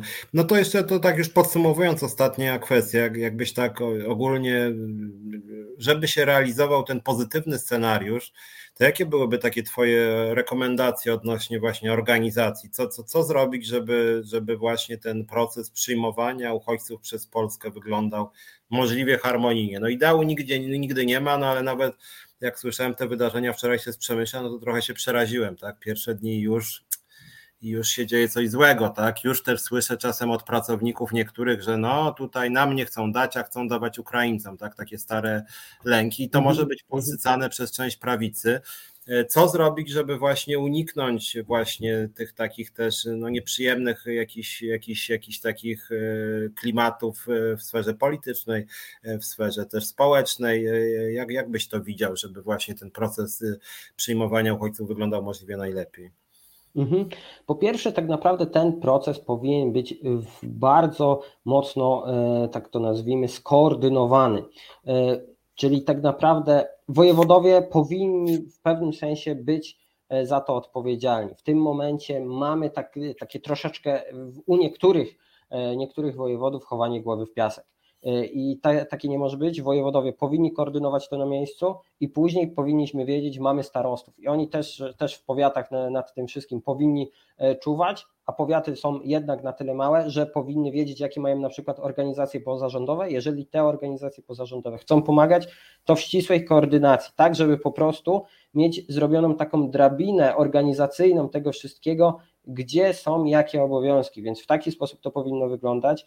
Dodatkowo jak, najlepszy, jak najlepszej, jak najwięcej informacji od odpowiednich organów, czyli Urząd do Spraw Cudzoziemców i też e, Straż Graniczna, bo to też jest bardzo ważne z punktu widzenia e, uchodźców czy cudzoziemców e, służba, bardzo ważna służba i ona musi nam dawać te informacje. Ja wiem, że służby mundurowe mają w sobie coś takiego, że nie chcą zbyt wiele mówić, ale muszą mówić społeczeństwu, muszą się z nim komunikować, bo po prostu na tym się buduje zaufanie i na tym się buduje pełen obraz. Jeżeli chodzi o, e, o ludzi, to z jednej strony e, nie możemy tutaj odpuszczać walki o nasze prawa w pracy, czyli nie możemy godzić się, żeby pracodawca powiedział, no to pracujmy ileś, ileś dłużej za darmo. No nie, nie o to chodzi. Natomiast to, że pracodawca przeznacza jakieś, środki na jakąś zbiórkę, no, no to grunt, żeby też nam wypłacał godną pensję za naszą y, naszą pracę, więc tutaj też bądźmy na, na, to wyrozumiali. Ja też bym wolał, żebyśmy uniknęli tej sytuacji i po prostu, żeby pracodawca faktycznie mógł dać za to premię swoim pracownikom, no ale drodzy Państwo, jest, jest jak jest, więc, więc tutaj, tutaj w taki sposób to, to wygląda. I dodatkowo Chciałbym, żeby Państwo dużo dało na kursy przebranżawiające, bo już w tym momencie widzimy, drodzy Państwo, że dochodzi do sytuacji takich, w których niektóre mm, takie męskie zawody, tak jak to, jak to czasami mówimy, przepraszam tutaj za, za takie sformułowanie, no ale mm, wiemy z jakimi zawodami je utożsamialiśmy, tutaj chodzi o spawaczy, budowlańców i tak dalej, bardzo często po prostu e, ci ludzie obywatele Ukrainy wyjeżdżają. Bardzo często, proszę sobie wyobrazić sytuację, w których właśnie po, y, po y, ponad dobie stania na granicy, na granicy mąż odbiera swoją żonę z małymi dziećmi, bo on pracował w Polsce, ona mieszkała tam, odbiera ją, zawozi do Wrocławia i sam po prostu wsiada do pociągu, który jedzie na granicę, bo jedzie do armii, jedzie walczyć. Mhm. Więc, więc drodzy Państwo, tych rąk do, do pracy będzie brakować i szczerze powiedziawszy, no troszeczkę kobiety na traktory w takim razie, czyli, czyli po prostu trzeba e, tym kobietom e, dać możliwość przebranżowienia się, zrobić kursy spawacza, zrobić, zrobić kursy operatora dźwigów, e, koparek i tak dalej. Po prostu one będą musiały zastąpić, zastąpić te, te braki kadrowe po prostu. O, no to fajna konstatacja jest. Zresztą w ogóle teraz też być może będziemy jako związek realizować taki projekt właśnie mężczyzn, którzy pracują w seminizowanych zawodach i kobiet w tych zawodach bardziej męskich, jak, jak postrzegają świat i swoją wizję płci. To są w ogóle ciekawe sprawy.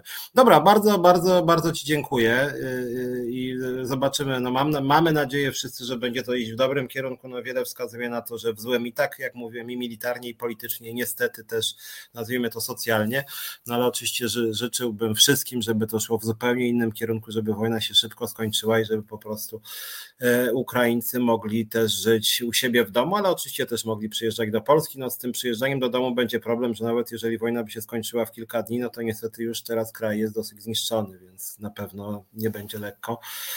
No ale nic, no dobra, bardzo, bardzo Ci dziękuję i wszystkiego dziękuję najlepszego życzę też tej działalności Waszej we Wrocławiu. Zresztą też być może właśnie Was e, odwiedzę za kilka dni, to może też, też porozmawiamy sobie szerzej, zdam relację też po rozmowie z Tobą. No dobra, to, to bardzo Ci dziękuję i wszystkiego dobrego. Dziękuję, wszystkiego dobrego.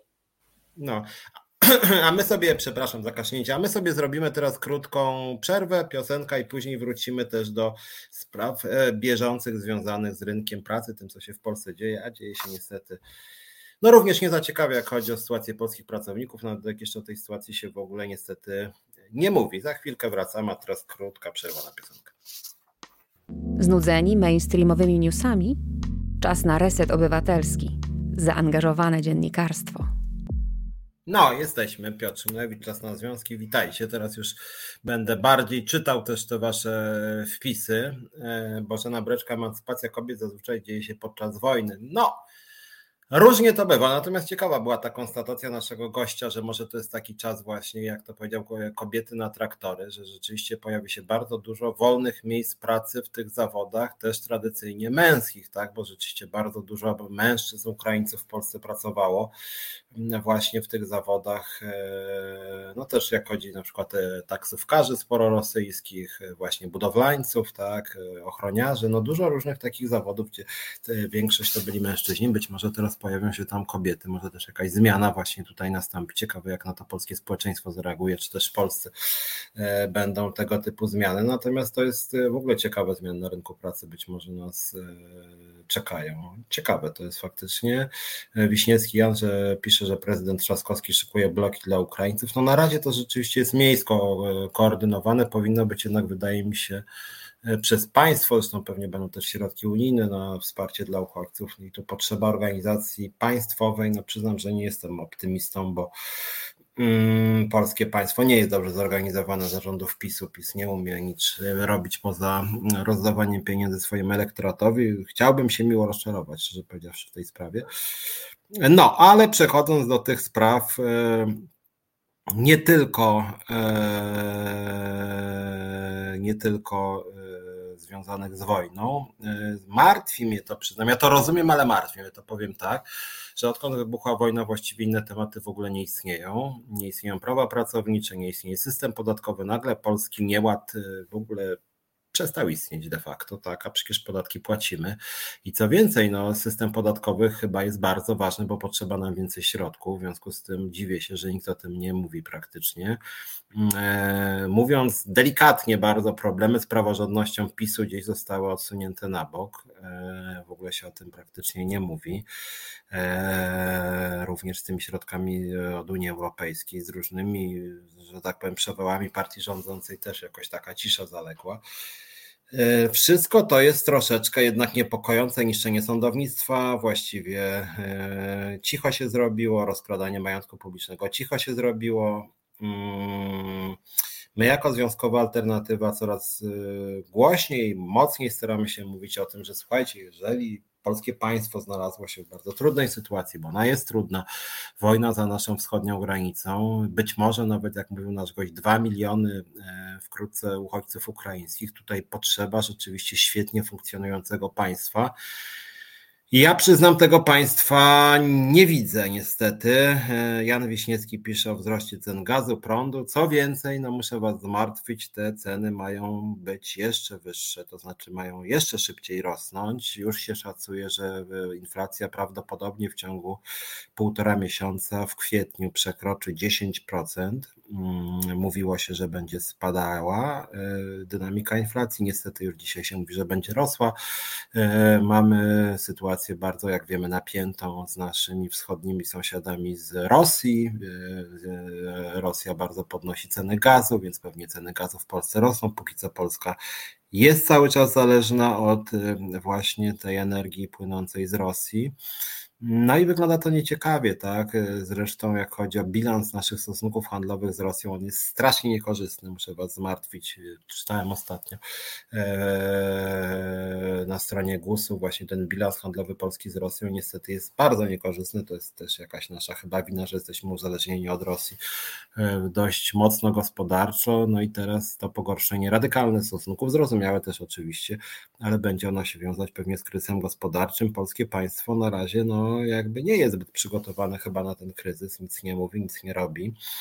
Z naszej strony, jako związku, muszę Wam powiedzieć, że e, zdziwiony jestem tym, że również cały czas władza lekceważy sferę budżetową, mm, że Przykładowo, e, wiecie, że u mnie w programie bardzo często, kilka razy już była Agata Jagodzińska, ostatnio więcej pracowników skarbówki. Agata Jagodzińska jest liderką Związkowej Alternatywy w Krajowej Administracji Skarbowej. Skarbówce polskie państwo zaproponowało 4,4% podwyżki funduszu płac, nawet nie płaca funduszu płac.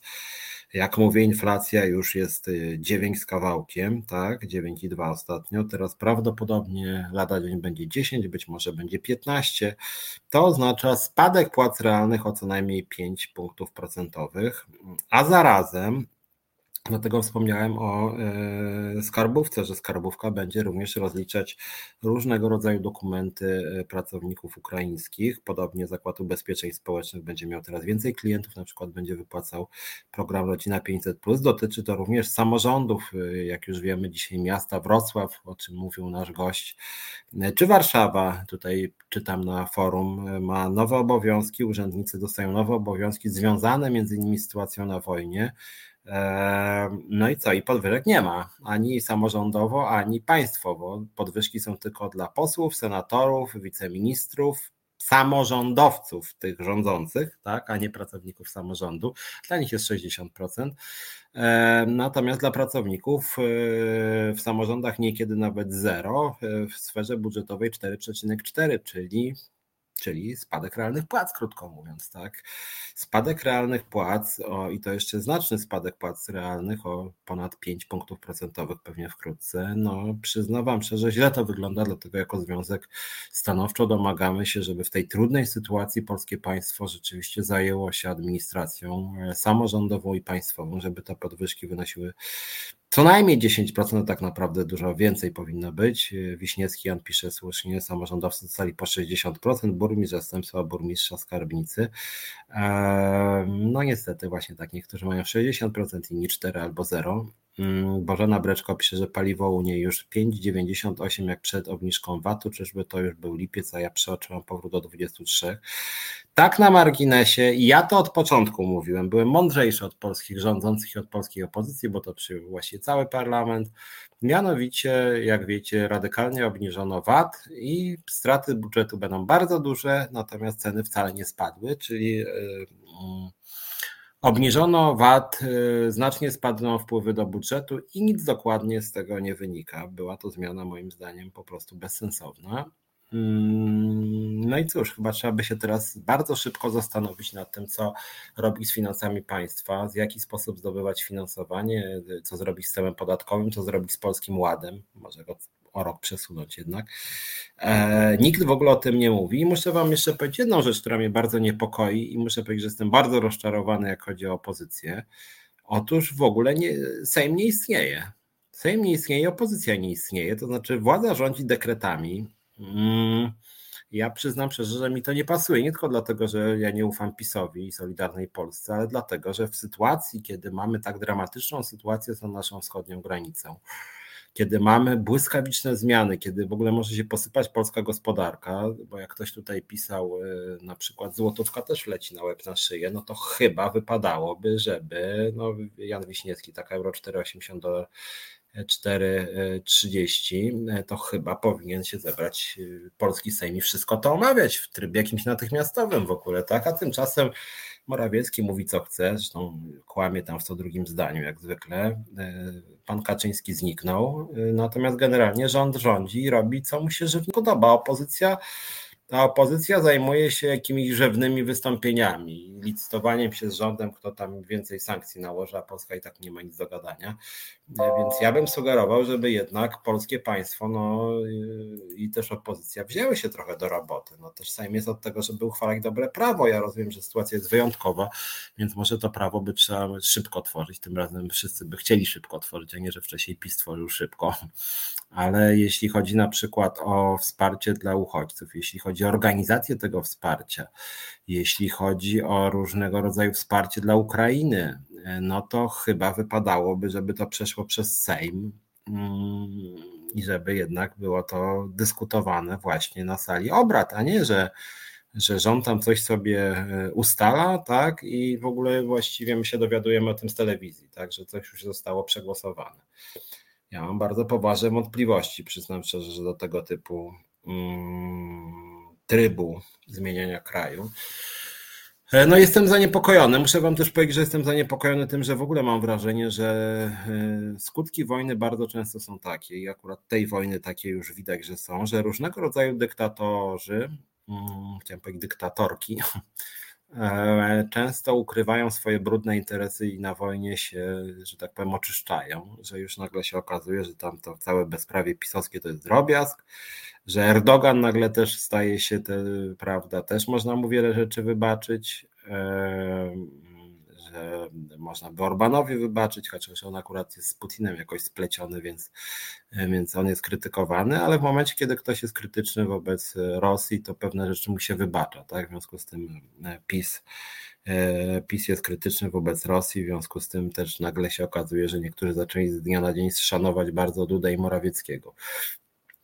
I okej, okay, można, można chwalić, jak ktoś chce ich y, część działań, ale jak chodzi o podejście do prawa, jak chodzi ich podejście do podatków, jak chodzi ich, do ich podejście do niewygodnych związków zawodowych, ta władza pisowska jest po prostu fatalna i mm, czuję się trochę zaniepokojony tym, że duża część opozycji zdaje się o tym nie pamiętać i na przykład my jako związkowcy w niektórych sprawach czujemy się trochę osamotnieni, bo ta władza w kraju nie przestała być represyjna i szkodliwa. Hmm. No więc tutaj bym apelował jednak do polityków opozycji, no, że naprawdę ich nie jest mało. To może niech delegują do zajmowania się wojną w Ukrainie, nie wiem, 80% klubu, ale ktoś niech się też zajmuje budżetem, ktoś niech się zajmuje podatkami, ktoś się niech zajmuje prawami pracowniczymi. Mm, no, wypadałoby chyba jednak, bo polskie państwo nie przestało działać, ono cały czas funkcjonuje i chyba wypadałoby zadbać o to, żeby funkcjonowało mm, dobrze. Jak chodzi o takie sprawy związkowe, to Wam powiem o dwóch czy trzech takich ciekawostkach, czy ważnych sprawach, ale też trochę ciekawostkach. E, no jednej rzeczy już Wam wspominałem, nasz Związek Krajowej Administracji Skarbowej się rozwija bardzo szybko, już jest e, około 1200 osób. Niezmiennie domagamy się podwyżek i uważamy, że to co robi rząd ze skarbówką to jest po prostu dewastacja.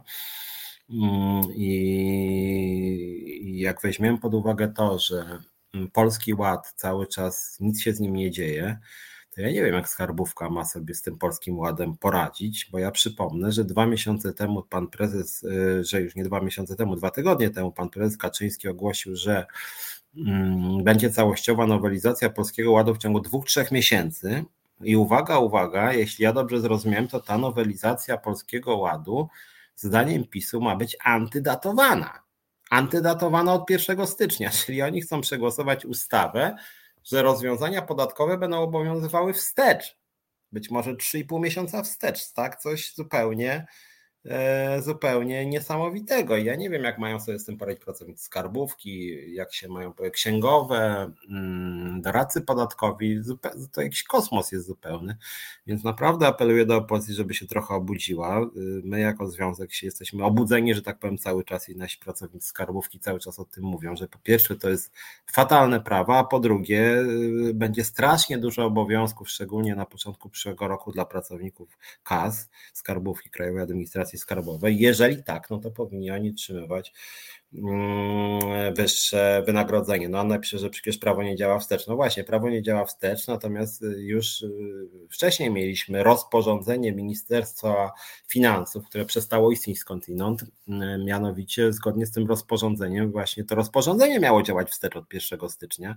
Później był dekret Morawieckiego, który miał obowiązywać wstecz, a teraz mamy jakieś pomysły Kaczyńskiego, żeby tworzyć prawo obowiązujące wstecz. To jest coś zupełnie niesamowitego, więc, więc naprawdę uważam, że szczególnie w czasie wojny za naszą wschodnią granicą, E, w czasie, kiedy bardzo dużo uchodźców do nas przychodzi, to polskie państwo powinno funkcjonować tip-top, to znaczy bardzo sprawnie, ono tymczasem jest w jakimś opłakanym stanie i tak jak nasz gość tutaj mówił Bartłomiej Potocki, no wszystko jakby zawisło, że tak powiem, na jakiejś oddolnej inicjatywie społecznej, no a systemu podatkowego się nie zrobi oddolną inicjatywą społeczną, to musi być odgórnie e, zarządzane. No i właśnie ja jako lider związku, ale też jako obywatel, no apeluję, żeby, że do władzy oczywiście, żeby się ogarnęła, ale też do dziennikarzy, do publicystów, komentatorów, obywateli, żeby też władzy przypominali o tym, bo naprawdę grozi nam potworny bałagan, po prostu potworny potworny bałagan. E,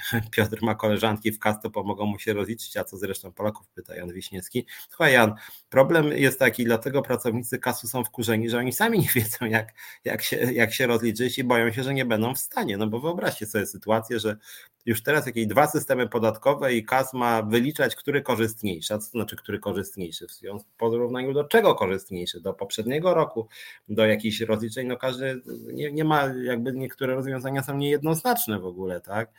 Mm, więc, więc tutaj e, szczerze powiedziawszy, widzę to słabo, jak chodzi o organizację polskiego systemu e, podatkowego. I tutaj nasi, nasza skarbówka bardzo mocno się domaga, żeby coś z tym zrobić, również nasi pracownicy w ZUS-ie, nasi związkowcy również. A propos ZUS-u, słuchajcie, bo to też jest bardzo w gruncie czy poważna sprawa. Wygląda trochę śmiesznie, a jest poważna bo mianowicie jesteśmy od kilku miesięcy tak naprawdę jako związek prześladowani przez Zakład Ubezpieczeń Społecznych przez panią Gertrudę Uścińską, która permanentnie łamie prawo. Zgłosiliśmy już w tej sprawie wniosek do prokuratury. Wygląda to trochę śmiesznie, a jest to w gruncie rzeczy trochę straszne. Znaczy to jest takie, że tak powiem, putinowski model zarządzania przez panią Uścińską ZUS-em. Mm, taki zamordystyczny bardzo. E, mianowicie my jesteśmy w ZUS-ie jako związkowa alternatywa w ogóle nieuznawania. Oni nie chcą uznać, że my w ogóle istniejemy. Słuchajcie, mm, twierdzą, że my mamy im kolejne papiery dostarczać, których pokazujemy e, listy członków, jakąś wewnętrzną korespondencję. No w ogóle jakiś totalny absurd, bo ustawa mówi wprost, że jesteśmy niezależni od administracji samorządowej państwowej. ZUS permanentnie łamie prawo i słuchajcie, teraz stała się rzecz mm, dziwna Mianowicie wyobraźcie sobie, że Ilona Garczyńska, nasza liderka w ZUS-ie, wczoraj e, otrzymała jakieś pismo z poczty i mówi, co to może takiego być, że wygląda na pismo sądowe. I odebrała to pismo sądowe dzisiaj. Słuchajcie, okazało się, że ZUS nas pozwał, czy pozwał nasz związek e, w Zakładzie Ubezpieczeń Społecznych Mm, Piotr zawsze bronił ZUS-u jako instytucję państwową i potrzebną, a oni go prześladują, Jan pyta Wiśniewski. No w pełni masz, Janie, rację, dokładnie tak jest, to ja bronię ZUS-u, a oni mnie, nas prześladują. No niestety taka jest prawda, po prostu ja bronię ZUS-u jako instytucji, która na przykład wypłaca renty i emerytury, natomiast niestety zarząd ZUS-u to są jacyś pisowcy zamordyści na czele z panią Uścińską, nieudolni dodatek, którzy moim zdaniem ten ZUS też niszczą po prostu. Ale skończę wątek. Otóż nie wiem, czy pamiętacie, Związkowa Alternatywa w ZUS-ie mm, zgłosiła postulat y, podwyżki płac o 60%, nawet to było na kilku billboardach w Warszawie, to nasze żądanie podwyżki o 60%. Weszliśmy w coś, co się nazywa spór zbiorowy. Spór zbiorowy to jest coś takiego, w ustawie o rozwiązywaniu sporów zbiorowych właśnie jest takie pojęcie jak spór zbiorowy. No i ten spór zbiorowy polega na tym, że związek zawodowy ma prawo sformułować postulat dotyczący właśnie interesów grupowych, i może w nim żądać różnych rzeczy związanych między innymi z płacami. Myśmy zażądali podwyżki płac o 60% z tego względu, że chociażby posłowie sobie podnieśli o 60, senatorowie o 60, samorządowcy o 60, wiceministrowie o 60. Jeżeli im można o 60, a posłowie czy wiceministrowie naprawdę mają dużo wyższe zarobki, no to dlaczego ZUS nie może dostać 60%? Tym bardziej, że politycy PiSu mówili, że trzeba podnieść, bo inaczej urzędnicy, ci politycy w tym wypadku będą podatni na korupcję. No więc jeżeli ktoś, kto zarabiał dotychczas 90 tysięcy jest podatny na korupcję, no to pracownicy ZUS, którzy zarabiali dotychczas 3-3,5 e, tysiąca brutto, no to chyba też byli podatni na korupcję, więc tym bardziej wypadałoby im podnieść wynagrodzenie, więc zgłosiliśmy 60%.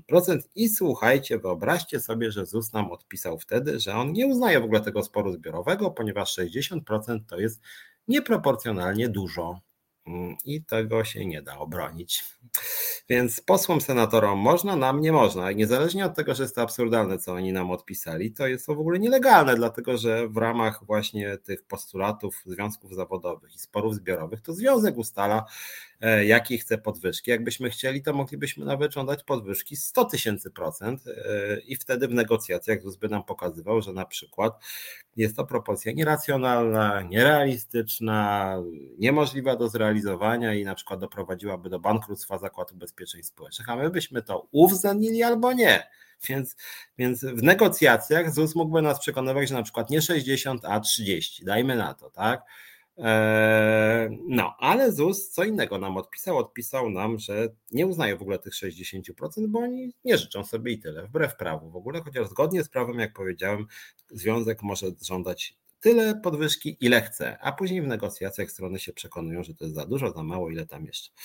No, ale to jest, y, to jeszcze nie jest koniec tej historii. Historia, że tak powiem, kończy się dzisiaj, przynajmniej na razie się kończy. Dzisiaj mianowicie Ilona Garczyńska, nasza liderka y, w ZUS-ie, odebrała pismo, w którym wyobraźcie sobie, że Zakład Ubezpieczeń Społecznych pozwał nas, pozwał nas, zgłosił sprawę do sądu cywilnego i w tym pozwie postuluje o uznanie przez sąd nieistnienia sporu zbiorowego. Nieistnienia. Czyli ZUS pozwał nas, że my chcemy wyższych płac i chce nam zakazać żądania wyższych płac.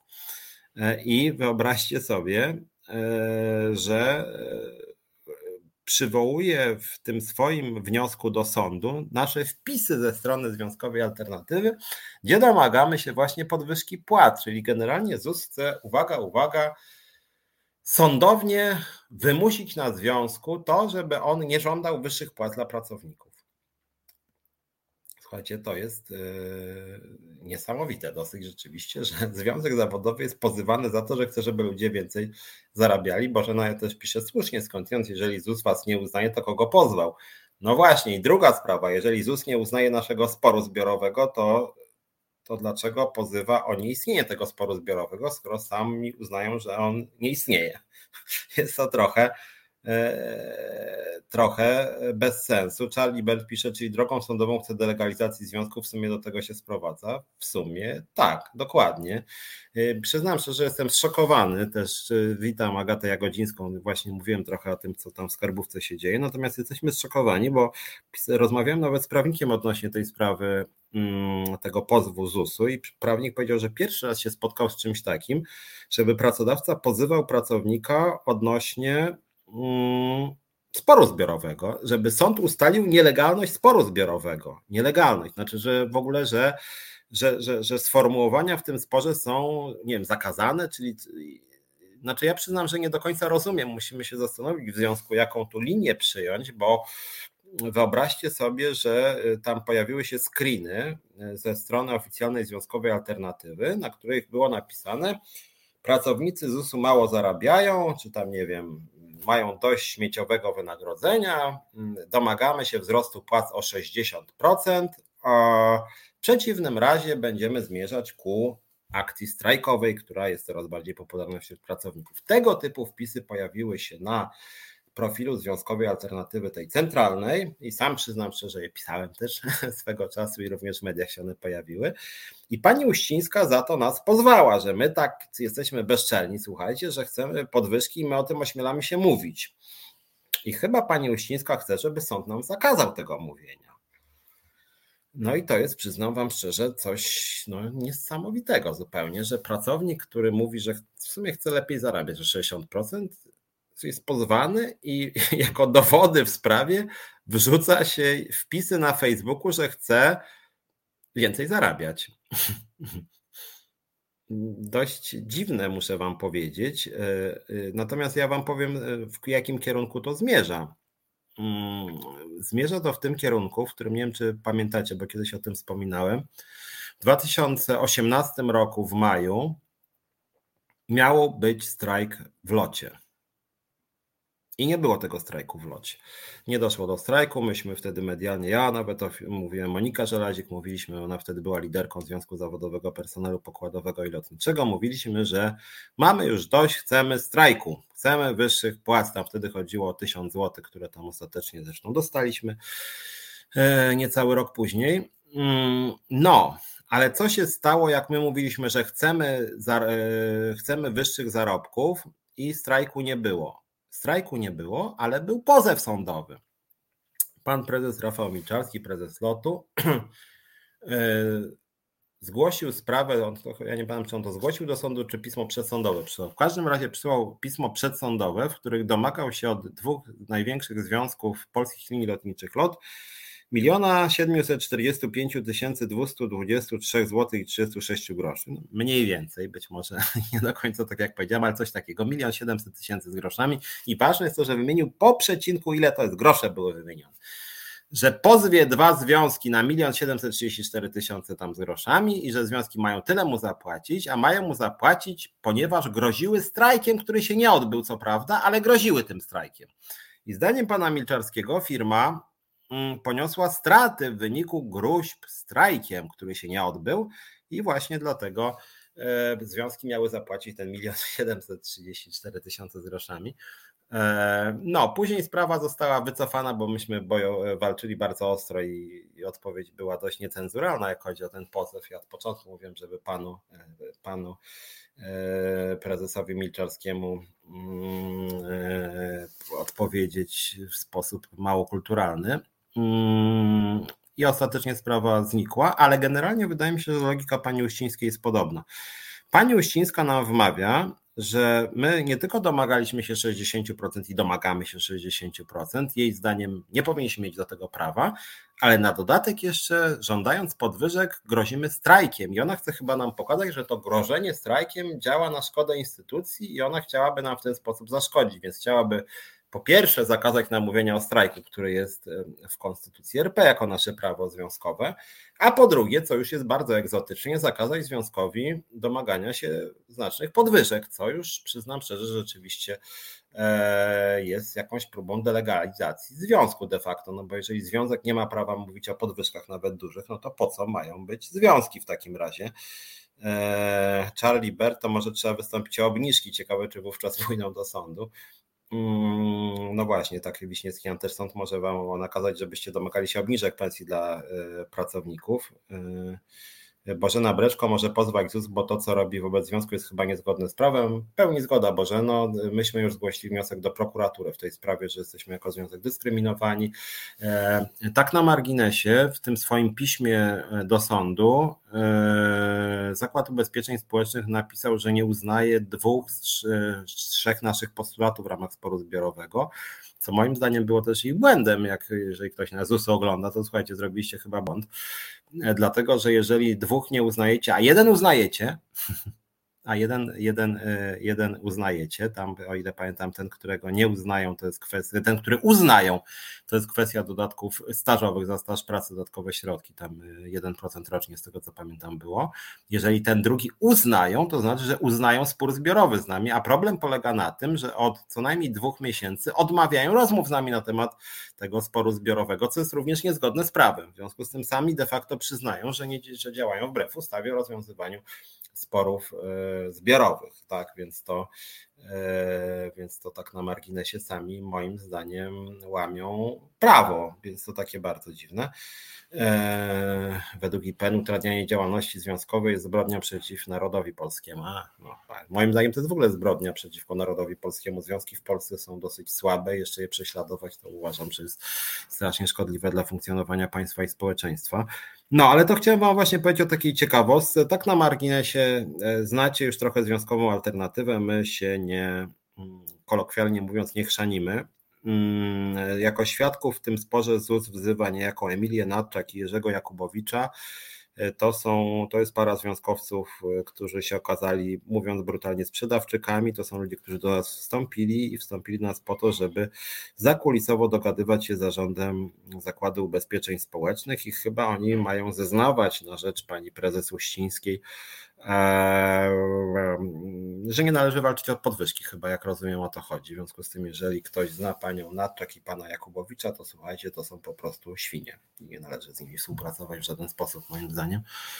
Eee, no, natomiast my oczywiście będziemy walczyć. Mamy metodę, jak chodzi, tu mogę zdradzić, jeżeli ktoś z USU nas ogląda, to słuchajcie, będziemy was tak długo męczyć, nękać, skarżyć, zgłaszać wnioski do e, różnych instytucji publicznych, do prokuratury, e, różne materiały na wasz temat e, przygotowywać. Również my was będziemy pozywać, że ta zabawa się być może wam po prostu znudzi. Natomiast to, że nas ZUS pozywa, to jest chyba dowód na to, że oni się naprawdę po prostu strajku boją. E, I to, co zrobiła Związkowa Alternatywa w ZUS-ie, to jest to, że myśmy od początku mówili, że te zarobki są tak tam, tak złe, tak niskie, że pracownicy są tak źle traktowani, e, że czas najwyższy na organizację akcji strajkowej i odkąd my to powiedzieliśmy, to, to, to jesteśmy przedmiotem bardzo brutalnego ataku E, I, e, I stąd ataki pani Uścińskiej, która naszym zdaniem powinna też zostać zdymisjonowana. Jak mówię, to jest jakiś putinowski model zarządzania ZUS-em i kompromitujący, że taka osoba jak pani Uścińska w ogóle w jakiejkolwiek instytucji publicznej powinna dostać dyscyplinarkę, wylecieć i niech wróci na uczelnię. Z tego co wiem, napisała kilka niezłych tekstów, sam nawet je czytałem, natomiast niestety jej kariera w instytucjach publicznych jest mm, bym powiedział, takim szeregiem kompromitacji.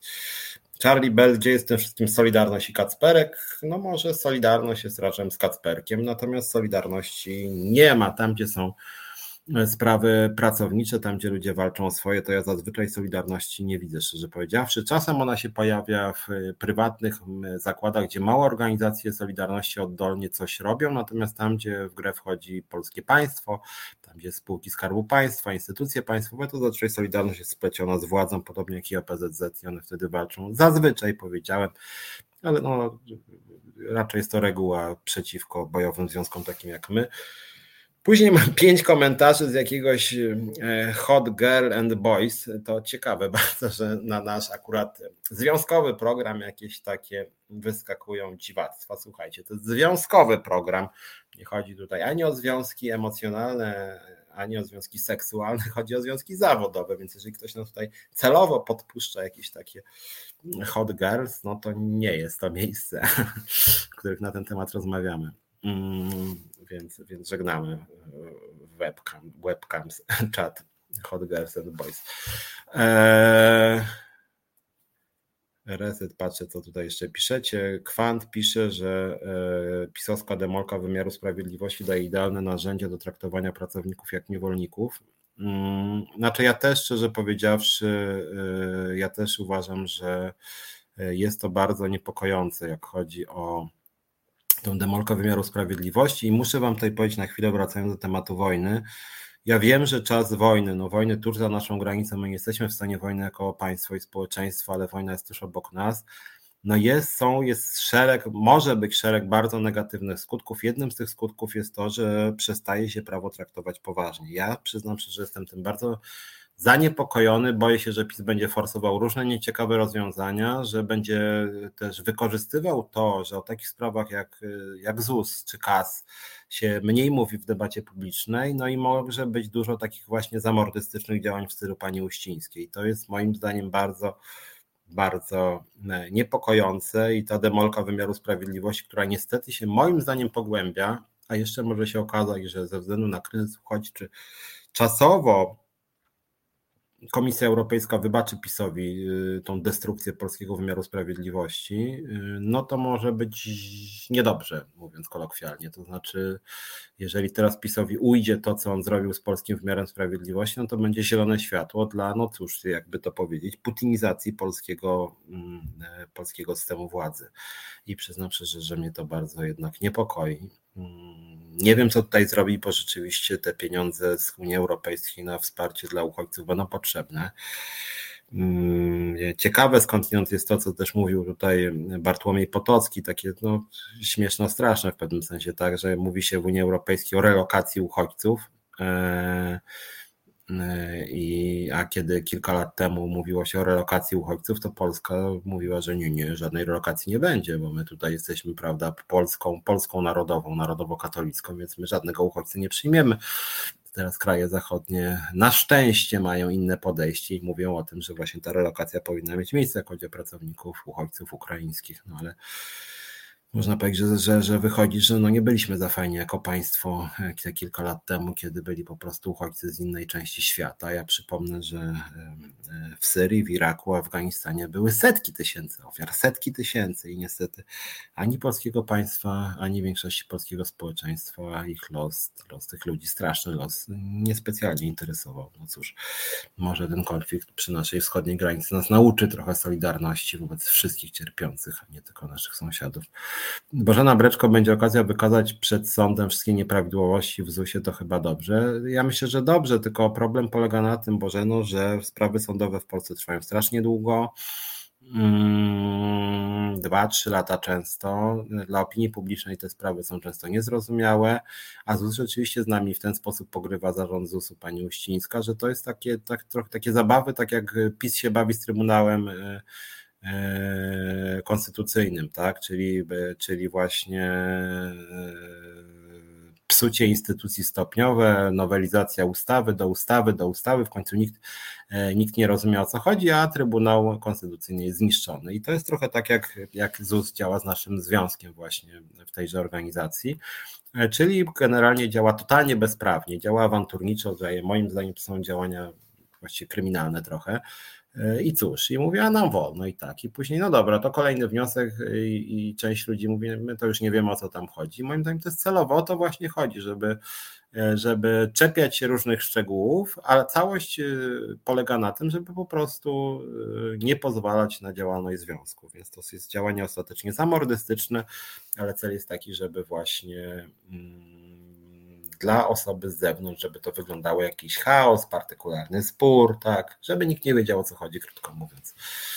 Paweł Krzysztof Kołodziej pisze, że Solidarność zabił Balcerowicz. Moim zdaniem niejednoznaczne, no bo z Solidarnością nie jest ten problem, że Solidarność dzisiaj jest słaba. Problem z Solidarnością dzisiaj jest taki, że Solidarność jest prorządowa. Solidarność istnieje, Solidarność jest bardzo bogata, Solidarność jest silna, Solidarność ma dosyć dużo ludzi. Tylko Solidarność niestety jest dosyć e, no, wstrętna, to znaczy jest strasznie prorządowa, no, jest podporządkowana władzy, jest przystawką zamordystycznej władzy, przy okazji jest narodowo-katolicka, no, jest takim skrajnie prawicowym rządowym związkiem zawodowym i uważam, że w skali kraju robi bardzo dużo złej roboty. Ewentualnie, tak jak mówiłem, dobrą robotę robią często ci ludzie u dołów Solidarności, którzy są daleko od pana Piotra Dudy, tak? Mm, Piotr Strychalski, prawo w czasie nadzwyczajnym musi być traktowane nadzwyczaj poważnie i serio, inaczej droga do anarchii. Ja bym powiedział, że właśnie nie droga do anarchii, a droga do zamordystycznej władzy. Ja się tego boję, że, że to omijanie prawa, to, że w ogóle Sejm się teraz właściwie nie zwołuje, że nie mówi się o tym wszystkim, co się w Polsce dzieje, że władza rządowa e, robi co chce sama, no to to jest takie bezprawie i to jest bardzo złe, że boję się, że wojna się skończy, a to bezprawie zostanie. Wiśniewski, Jan, nie zgrywaj takiego wrażliwego, Piotrek, wszystkim nie pomożemy. A czy wiesz, Janie, to jest trochę tak, że my jako Związkowa Alternatywa pomagaliśmy i pomagamy polskim opiekunkom w Niemczech. Nawet dzisiaj jedna do mnie dzwoniła z różnymi problemami o tym, że dostała bardzo niską dietę, z której ma utrzymać siebie i osoby, którą się opiekuje. Mm, no i cóż, my pomagamy polskim migrantom w Niemczech i będziemy pomagać ukraińskim migrantom w Polsce.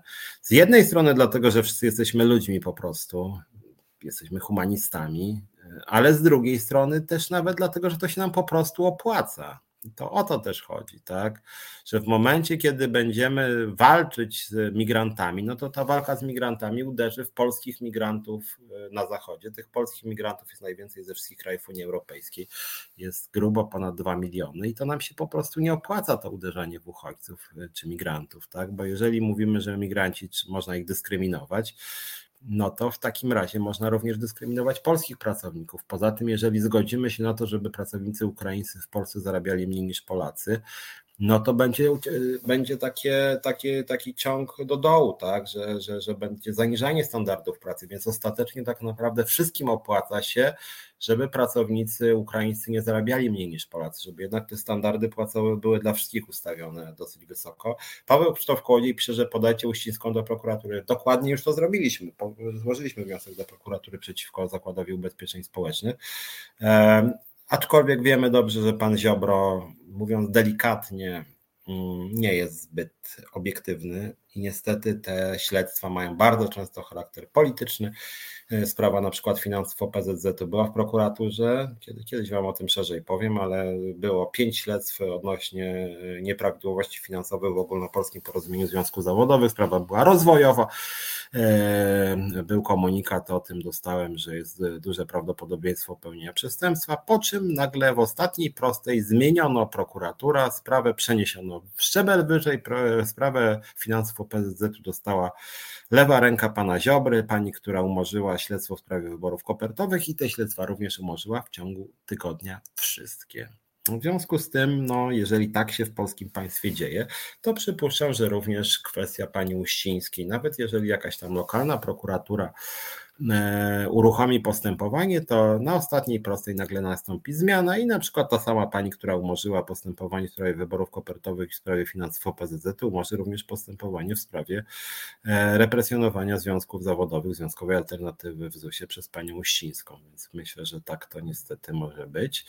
E, Bożena pisze, że jest szansa, że pani Uścińska strzeli sobie w kolano tym procesem. Znaczy akurat tutaj to ja się zgadzam. Ja generalnie muszę wam powiedzieć, że ja bardzo lubię, jak mnie pozywają ci panowie i panie ze zespołów Skarbu Państwa, instytucji państwowych, bo to jest, widać, że to jest wynik nerwowości, że to jest w ogóle niepoważne. No bo jak można pozywać związek zawodowy o to, że ten związek chce podwyżki płac i wmawiać temu związkowi, że tego sporu nie ma.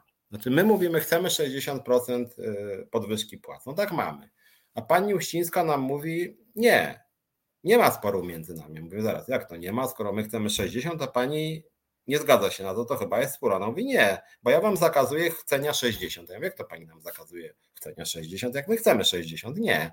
Może nawet i chcecie, ale nie możecie o tym głośno mówić, a widzę, że głośno mówicie w Pulsie Biznesu, Gazecie Prawnej, Gazecie Wyborczej i TVN. Ja mówię, no tak, mówiliśmy o tym, a nie wolno. Ale dlaczego nam nie wolno? No bo ja uważam, że nie wolno. No i to jest właśnie, to jest przedmiot sprawy sądowej, która nastąpi, więc tutaj, Boże, no zgadzam się, że ten proces na ten temat, to my chyba z Iloną Garczyńską nawet nie będziemy brać prawnika, tylko będziemy sami odpowiadać i bardzo chętnie też mm, bym spytał panią Uścińską, jak, na, na mocy czego ona nam zakazuje chcieć podwyżki o 60%. No mamy prawo chcieć o 60%. Pani Gertrudo, no, no sorry, no, no tak chcemy. No, może się to pani nie podobać, ale no, tak, takie nasze prawo, no co ja poradzę. Eee, Charlie Bert, Polacy póki co pomagają, ale minął tydzień, już zaczynają się kibicowskie straże w przemyśle pojawiać. Ciekawe, co to będzie, jak zacznie się kryzys, a on się pojawi. Też boję się, szczerze powiedziawszy. Niestety uważam, że hmm, źle to wygląda, nie idzie to w dobrym kierunku, cała ta sprawa w Ukrainie i pod kątem, jak mówiłem, militarnym, politycznym, ale też uchodźczym. Polacy niestety mają słomiany zapał. Teraz będą pomagać przez najbliższe dwa tygodnie, a za dwa tygodnie już może być coraz gorzej. A jak już teraz jakieś faszystowskie bojówki się pojawiają, no to no nie jestem tu optymistą, może być ciężko. Mm, kapitan Stratfor ukraińskim uchodźcom pomożemy, ale uchodzącym z Ukrainy Niekoniecznie. No ja nie wiem, zobaczymy jak to będzie. Na razie myślę, że myślę, że powinniśmy pomagać, ale tak jak to mówił tutaj Bartłomiej Potocki, przede wszystkim polskie państwo powinno się zorganizować. No widzę, że znowuż jakiś czat seksualny nas atakuje, no coś. Nie wiem dlaczego jesteśmy tacy atrakcyjni. Eee, Jan Melak, Ziobro to przestępca bez wyroku, bo sam na siebie nie da wyroku. No taka też jest prawda. Eee, dobra, słuchajcie, musimy powoli kończyć. Eee, no niestety, klimat jest strasznie smutny. My jako związek będziemy wspierać polskich pracowników, ale też pracowników zagranicznych, którzy w Polsce pracują. Robimy to zresztą od wielu miesięcy. Pracujemy też na rzecz wsparcia dla polskich pracowników za granicą, więc myślę, że to jest właściwa postawa po prostu, żeby e, wspierać pracowników polskich w Polsce, pracowników polskich za granicą i pracowników zagranicznych w Polsce również. Zresztą pracowników zagranicznych za granicą też. Więc generalnie myślę, że po prostu powinniśmy walczyć o to, by były lepsze warunki pracy dla wszystkich, tak w Polsce, jak i poza jej granicami. To też będziemy czynić. E, dobra, słuchajcie, musimy kończyć. Obyśmy za tydzień spotkali się już w trochę lepszych nastrojach małe widzę na to szanse, ale chciałbym wszystkim Wam życzę tego, żeby ta wojna się jak najszybciej skończyła przede wszystkim społeczeństwo ukraińskiemu oczywiście i żeby ta agresja Rosji no po prostu została jakoś powstrzymana. To jakiś cud musiałby powstrzymać jakiś zamach stanu może w Rosji, co niestety jest mało możliwe, no ale nic. Wszystkiego dobrego Wam życzę. Widzimy się i słyszymy za tydzień. Do widzenia, do zobaczenia. Reset Obywatelski.